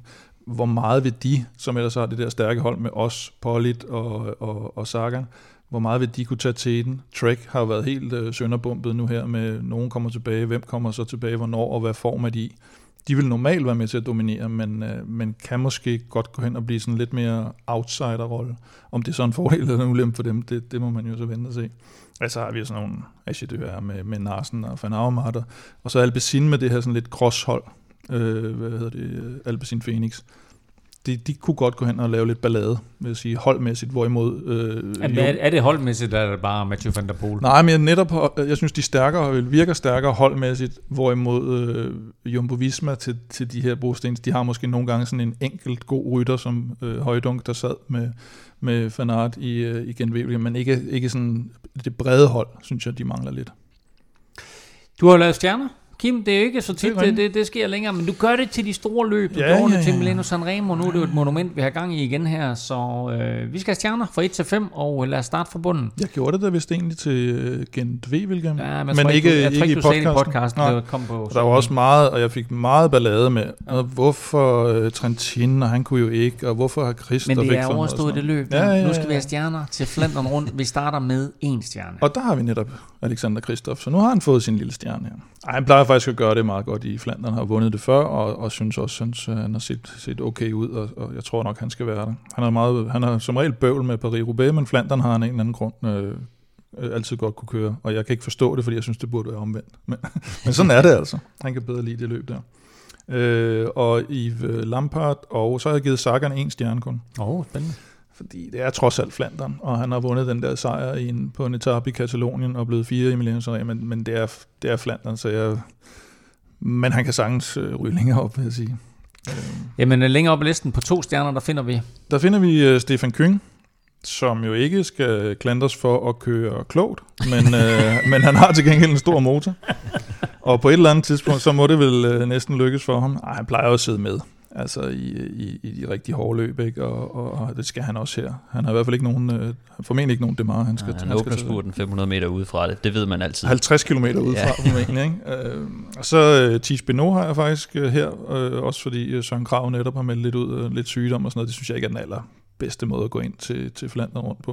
Og jeg synes egentlig også, de har sådan, jeg ved ikke, altså det virker lidt som om, at de, de trods alt stadigvæk satser lidt mere på Benot end, uh, end, end Søren af uansagelige årsager. Øh, så det må vi se. Og så har jeg også øh, Niels Bollit der, og jeg tror måske, han kan gøre det bedre end Sagan øh, på grund af formen, men, men jeg er sgu meget i tvivl. Så skal vi have tre stjerner. Tre stjerner, der har vi øh, Greg van Avermaet, øh, Alberto Becciol og øh, Dylan van Barle. Åh, oh, Dylan van Barle. Dylan det er sjovt. Det, det vender vi tilbage til. God form. Det må man sige. Uh, fire stjerner. Der har jeg sgu taget øh, Kasper Askren. Åh, oh, spændende. Øh, Matthew van der Poel. Ja. Nå. På fire stjerner? På fire stjerner. Nå, det var en lille overraskelse. Og Oliver Narsen. Okay, jamen så lad os lige vende den her med de fire stjerner ja. og, og Matthew van der Poel, ja. fordi jeg ved, at du synes, at han er ved sådan at måske miste lidt form. Stefan, du er ikke enig. Jeg, jeg synes, vi, vi begge to kan kun tolke af det, vi ser selvfølgelig. Mm. Og jeg tolker det som om, at du ved, lang cross-sæson, og så har han alligevel fået meget form i år, og så synes jeg bare, at jeg ser en lille bitte smule, at han er ved at gå ned og det kommer til at lyde rigtig dumt, når han så vinder Flandern rundt fuldstændig sikkert. Men, men det, er sådan, jeg analyserer den. Jeg ved det sgu ikke. Ja, jeg, jeg tænkte mere over, nu, nu går han lidt ned i, i Dvarstor Flanderen i dag, og, øh, og har jo sprunget over øh, Gent i weekenden. Og så kan man sige, okay, skal han bruge en pause, og går han kold her? Og jeg tænkte egentlig, hvis han har sprunget over til Gent for at blive klar til Flandern rundt, så er det nok fordi, at han vil skide hul i Gent, og nok også Dvarstor Flanderen, og har fokuseret på at, at lige at øh, lægge de sidste touch på sin træning. Og der ved jeg, nu, øh, nu siger vi onsdag, og det betyder, at øh, han nok har brugt den her onsdag som øh, sikkert den sidste hårde træningsblok. Man ser også, at han går frem og tager en, en hård føring der til sidst og slår ud og lader sig falde øh, ud af løbet. Men, øh, men jeg, jeg kunne forestille mig, at det er, det er nøje tilrettelagt i forhold til træning, og han simpelthen har brugt Varstor som en del af, af sin træning. Så jeg tænker egentlig, at nu, nu smækker han benene op og, og kører sin uh, rulleture og får uh, kørt lidt uh, tapering op til, uh, til, til, Hvad til det? dagen. Tapering. Det er sådan noget... Uh, jeg, jeg ved ikke lige, hvad det betyder, men det er, at man... Uh, jeg ved, at man... Ej, det, det er bare for, at det skulle lyde som om, at han, ved, at, at Nej, han fik det er- overhånd på mig. Jeg tænkte, det, Ja, nu du- tænker jeg, nu skal- er Stefan hvad- mere. hvad- Helt stille, hvad gør man? det man gør, det er, at man øh, typisk så, hvis man har et stort øh, kryds i, i bogen, hvor man siger, her skal jeg køre rigtig stærkt, så siger man, så har man kørt med sådan nogle tapering dage, hvor man tager distancen ud af sin træning, for simpelthen at blive klar. Så kan man stadig køre lidt intens intervaller, så det man typisk gør, i stedet for at køre de her 5, 6, 7 timers ture, så kører man måske to timer, hvor man lige kører øh, et par få øh, hårde intervaller, for lige at holde kroppen i gang, men man tager al øh, distance ud, øh, og det kan man så præstere rigtig godt på, når man så står der på dagen, fordi at al den der, øh, hvad kan man sige, øh, mængdetræning, den, øh, den gavner ikke så godt. Altså du kan nemt tage den ud på kort sigt, og det vil gavne dig rigtig meget, men gør man det for længe, så begynder man at halte lidt på distancen. Ikke? Så på kort tid, øh, en uge måske, kan man godt tage mængden ud, uden det koster for meget. Til gengæld så får man rigtig meget friskhed og fart i stængerne. Jeg synes, det er tageligt at bruge, altså det der med at bruge sådan nogle ord, så, får jeg, så tænker jeg lige pludselig, så har jeg ikke en chance, så er det, mig, der, så er det mit, der er forkert. Jo. Det er jo ligesom, i, når man spillede ungdomsfodbold, og så de andre havde ens træningsdragter ikke? Så, så tænker man også, nu har vi tabt på forhånd. Så, øh, så det kan godt være, at han skal have fem Hvorfor stjerner. fører det hen, det her? Det fører til fem stjerner. Det fører, jeg skulle til at sige, det fører til fem stjerner. Du havde Van der Pol kun på fire stjerner. Ja. Noget vil jeg sige, du nåede lige at sige, at Narsen han også var der på fire Ja, stjerner. men- Ikke? Men uh, nu får vi jo se, hvem jeg tror, der får ret i weekenden. Ja, det fire det. stjerner kun til Van der Pol. Hvem har du på fem? Der har jeg Van Aert og eller Philip, ikke overraskende. Ja. Og så har jeg faktisk taget Støjven derop. Jasper Støjven. Ja, Okay. Altså William Sanremo giver sig selv, men jeg synes også, at det ikke kun er det. Jeg synes bare, at han har set rigtig godt ud, og han har netop set rigtig godt ud all round, altså ikke kun i en spurt eller kun på en stigning. Jeg synes netop, at han har lidt det hele. Han har hele den der pakke. Han er hurtig, hvis de kommer til mål, og, øh, og han har den der udholdenhed undervejs. Så øh, en, en, en formtop, der... Hvor Der er passer. MSP? Hvor er Søren Krav? Ja, de... Øh, Jamen, altså, du havde ikke, du havde ikke Mads P. med i, øh, i dine stjerner, øh, Kim, og øh, det tror jeg ikke, vores, verdens, vores eks-verdensmester, han sådan er helt tilfreds med. Vi håber og forventer jo stadigvæk, at han stiller til start på søndag, og vi havde jo egentlig optaget et interview med Mads Pedersen, men øh, det er lavet inden alt det her ballade med øh, corona-isolation, og derfor så giver det ikke helt mening mm. øh, at afspille. Øh, til gengæld, Stefan, så sagde han jo blandt andet, at han håber på dårligt vejr. Mm. Øh, sådan ægte danskervejr, eller, eller det vi så, da han vandt VM i Yorkshire. Hvad, hvad siger vejrudsigten? Jamen altså, man kan jo ikke rigtig stole på, på, på vejrudsigten, før man står der på dagen, men øh, hvad det lige øh, ser ud nu, så, øh, så bliver det forholdsvis øh, koldt og øh, forholdsvis vindstille. Men vi har så den her øh, regnby her, der kommer ind, og det begynder at sjaske ned om mandagen.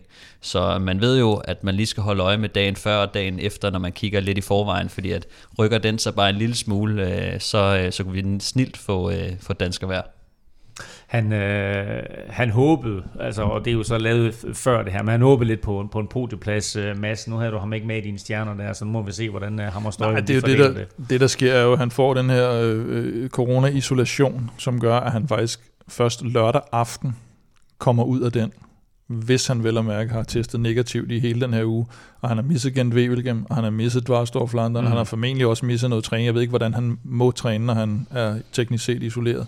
Så det, det kan ikke andet end at være en, en, en skidt optakt til, til et løb som, som Flandern rundt. Man kan sige, at der er også nogen, der har joket på socialt, men han kommer i hvert fald frisk, med friske stænger, ikke?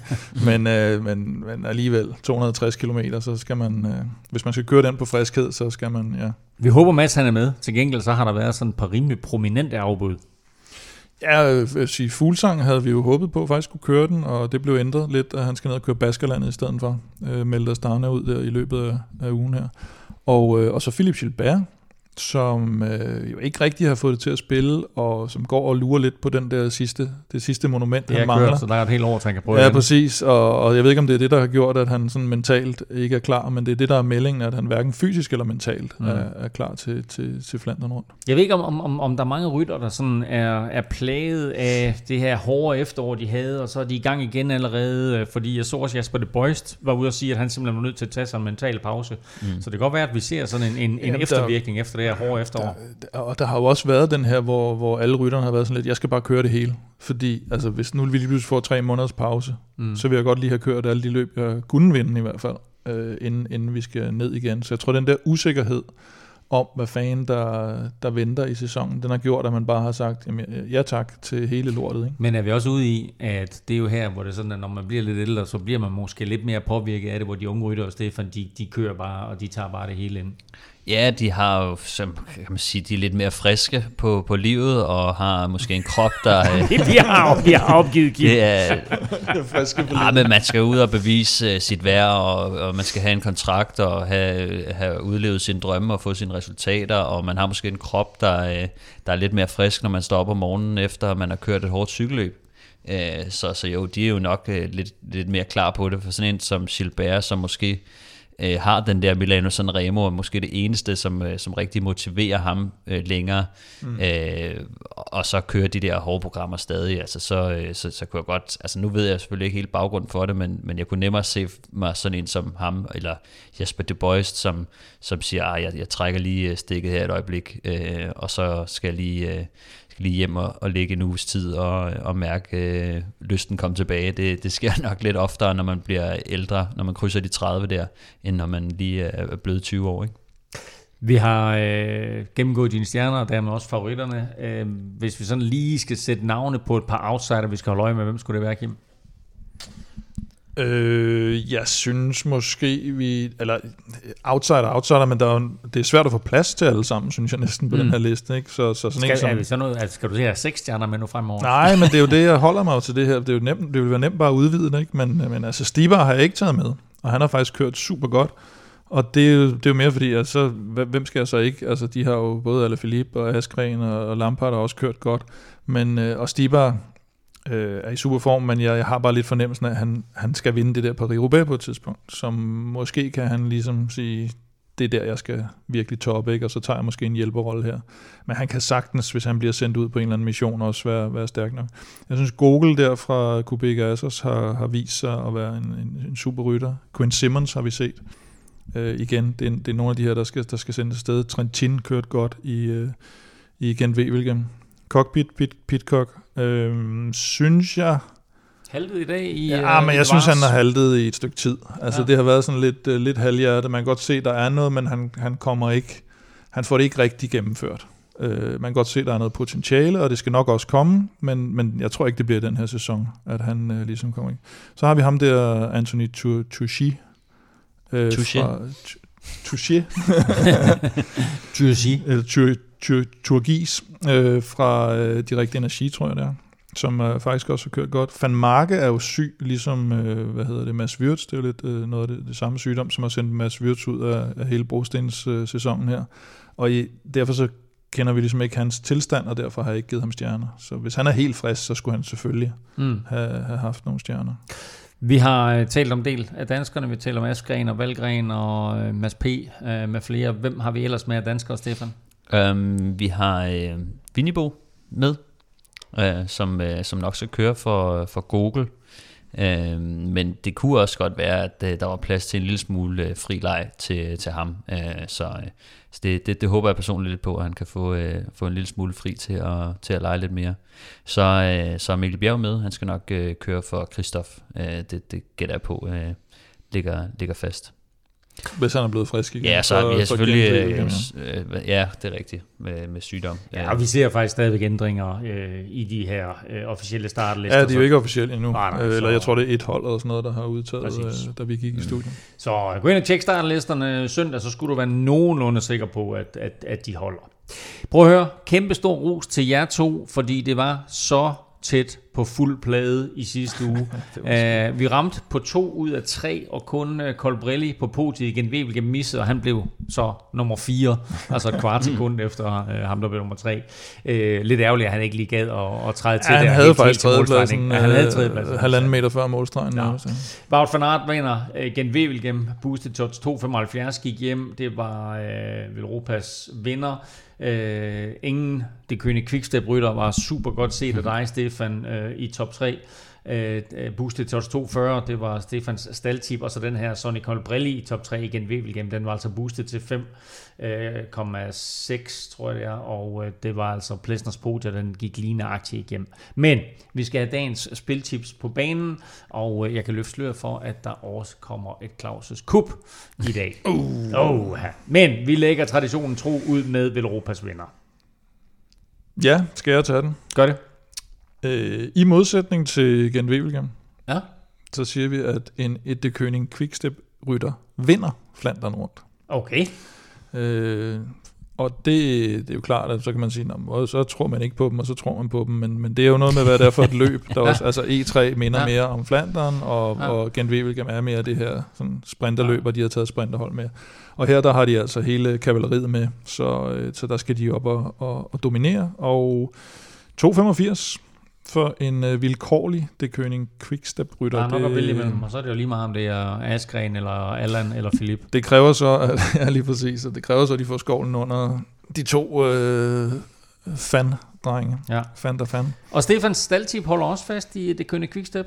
Det gør den. Øhm, jeg synes, at øh, Stenik Stybar har set øh, rigtig, rigtig godt ud. Øh, så har bestemt jeg har lagt mærke til, at han har været øhm, i, øh, i E3, var han den eneste, der kunne øh, køre med, da Van Aert og Van der Poel øh, angreb. De kom ikke rigtig afsted, men han, han gjorde virkelig godt stykke arbejde, og var også, øh, kan man sige, ham og Askren var dem, der ligesom splittede det hele ad på, på Tegenberg, så så der mangler et resultat til ham, og øh, jeg ved, den går lidt på rundtur på holdet. Så øh, jeg tror, at Stibar har noget i sig til Flandern, og øh, jeg kan få den i top 5 bare.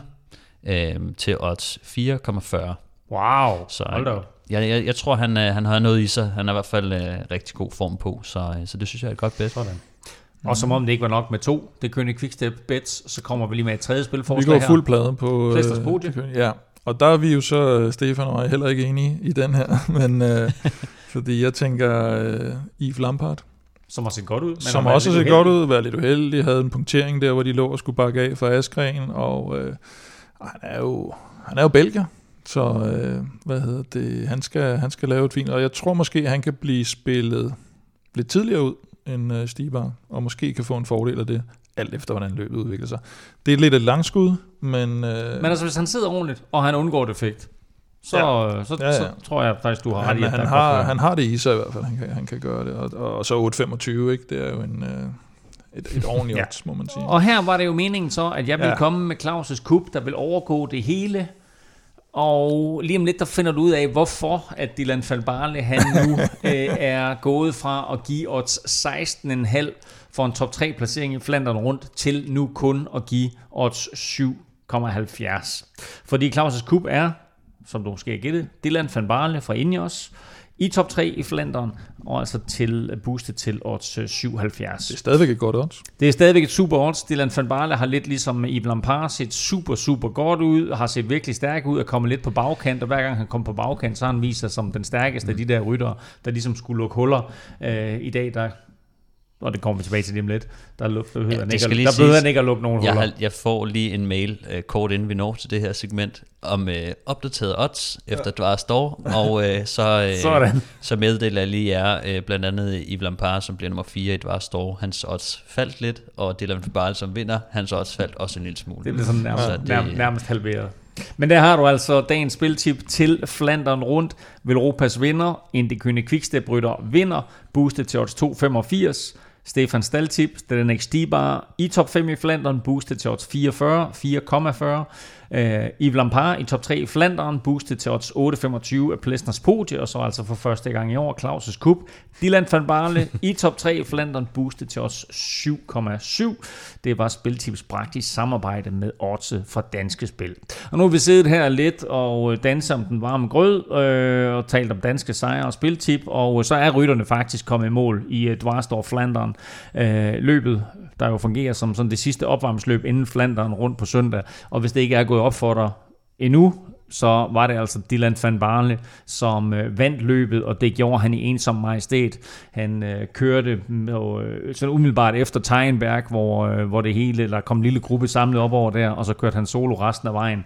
Og øh, på trods af, at der sad nogle stærke rytter bag ved ham, så var der altså ikke nogen, der hentede ham. Nej, han kører over 50 km solo, ikke? Det er og, altså og, en imponerende rit. Og jeg synes også, han mindede lidt, der i starten af, det mindede utrolig meget den måde, de, de kørte på, da, da Askren også stikker afsted med de mm. der 65, at man godt kan se, og som Askren også, øh, tror jeg, sagde i interviewet, det er klart, når man stikker afsted så tidligt, så går man ikke bare, altså så begynder man ikke at spurte jo. Så, så det ser sådan meget, også Van Barle ser også meget elegant ud, ligesom Askren, at man siger, man kan godt mærke, at de kører den sådan lidt, lidt gelinde i starten, fordi når du sidder lidt, så, så ved du godt, kommer der nogen op, skal jeg lige vente på, og skal jeg have nogle kræfter til det, eller hvordan fanden skal jeg disponere det, ikke? Og så mere og mere, så til sidst bliver det bare overlevelse, ikke? Og, men han holdt den jo altså, og, og øvede. Starter med og, at køre stærkt, så kører man lidt stærkere. Ja, og, og så, så, går man fuldt, så går man fuldt ud. men uh, han byggede sådan en stille og rolig forspring op, der lå sådan en mellemgruppe, uh, som ikke var de allerfarligste rytter, og så i, i tredje gruppe, der lå uh, Greg van Avermaet og uh, Mathieu van der Poel med flere, men det var ikke, uh, altså det her, det var bare Dylan van Barles dag. Uh, lidt uheldigt for os, øh, og, og for alle jer, som gerne har spillet Claus' Ja, det kan man sige. Til 16,5, nu bliver det altså Men jeg synes også, at man, man ser det der med, at, at, at normalt vil man måske have øh, Van Aert og Van der der også, som vi var inde på til, nogle gange begynder at køre lidt sammen, fordi de ved, at de andre sidder og kigger på dem. Men her har vi ikke Van Aert med, og Van der Pol brugte helt klart, uanset om man så mener, at han er på vej opad i form eller nedad i form, så brugte han det som noget træner. Han kørte for, for Tim Malier, øh, mm. sin holdkammerat. Og, øh, og, og derfor så bliver det noget råd, øh, hele forfølgelsen der, ikke? fordi øh, det König får heller ikke rigtigt. Jeg ved faktisk ikke, hvorfor Askren sidder lige pludselig nede i feltet med, med, med Askren så ikke godt ud, og Ballerini øh, så ikke godt ud. Jeg ved ikke, om det var det fægt, eller hvad det var. Men, om de har været med i et eller andet, men de kommer i hvert fald rigtig meget på bagkant, og har kun uh, Senechal med op foran, så, så der, der bliver ikke rigtig den der organiserede forfølgelse.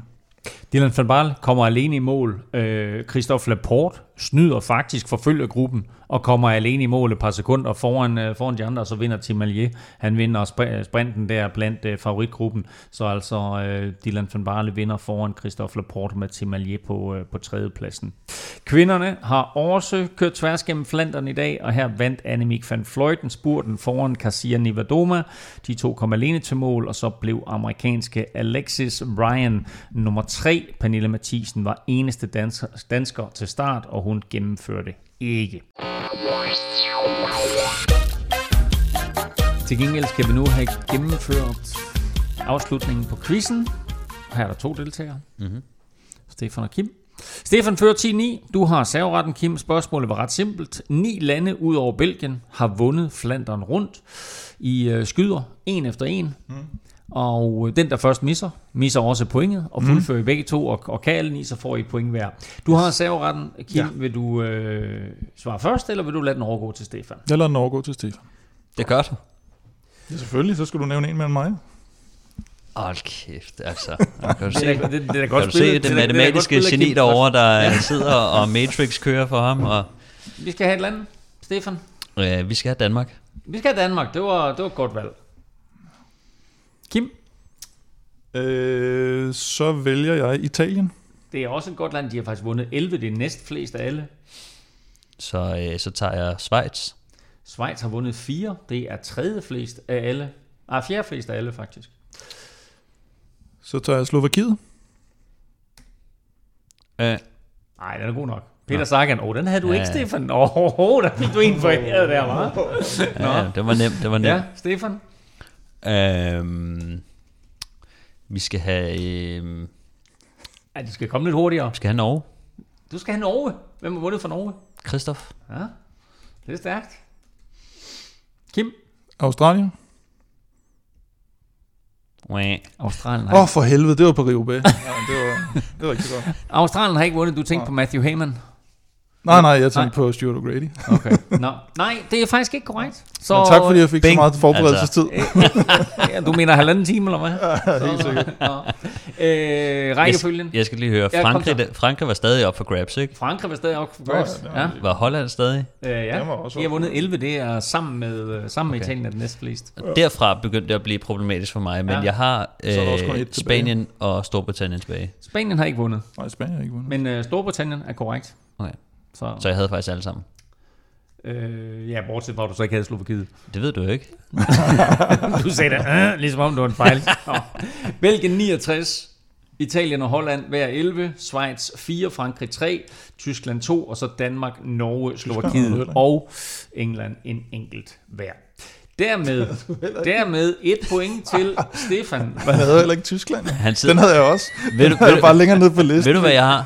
Jeg tænkte, Australien, ved du, hvad jeg har? Australien, ved du, den jeg sætter jeg højt. Så kom så, hvad har du? Et point i quizzen. Det har du. ja, præcis.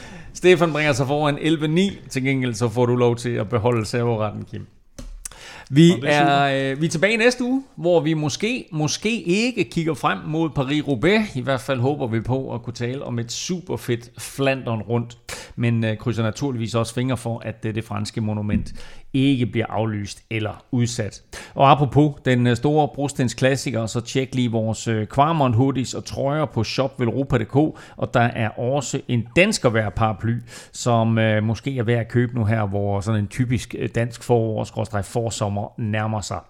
Du kan også følge Velropa og Kim på Facebook, når du ikke lige lytter til podcasten. Han er både på Facebook, Twitter og Instagram på Snablag Velropa, og Stefan finder du på Twitter på Snablag Stefan Djurhus. Undertegnet finder du alle steder på snablag NF Elming. Og husk, at vores Zetland tilbud faktisk stadig fungerer på zetland.dk-velropa, så skynd dig at benytte dig af det. Tak for nu. Tak fordi du lyttede med. Tak til dig, der støtter på tier.dk og naturligvis vores partnere BookBeat og Odds fra Danske Spil. Støt dem, de støtter os. Vi wünschen jer en rote Runde. Thank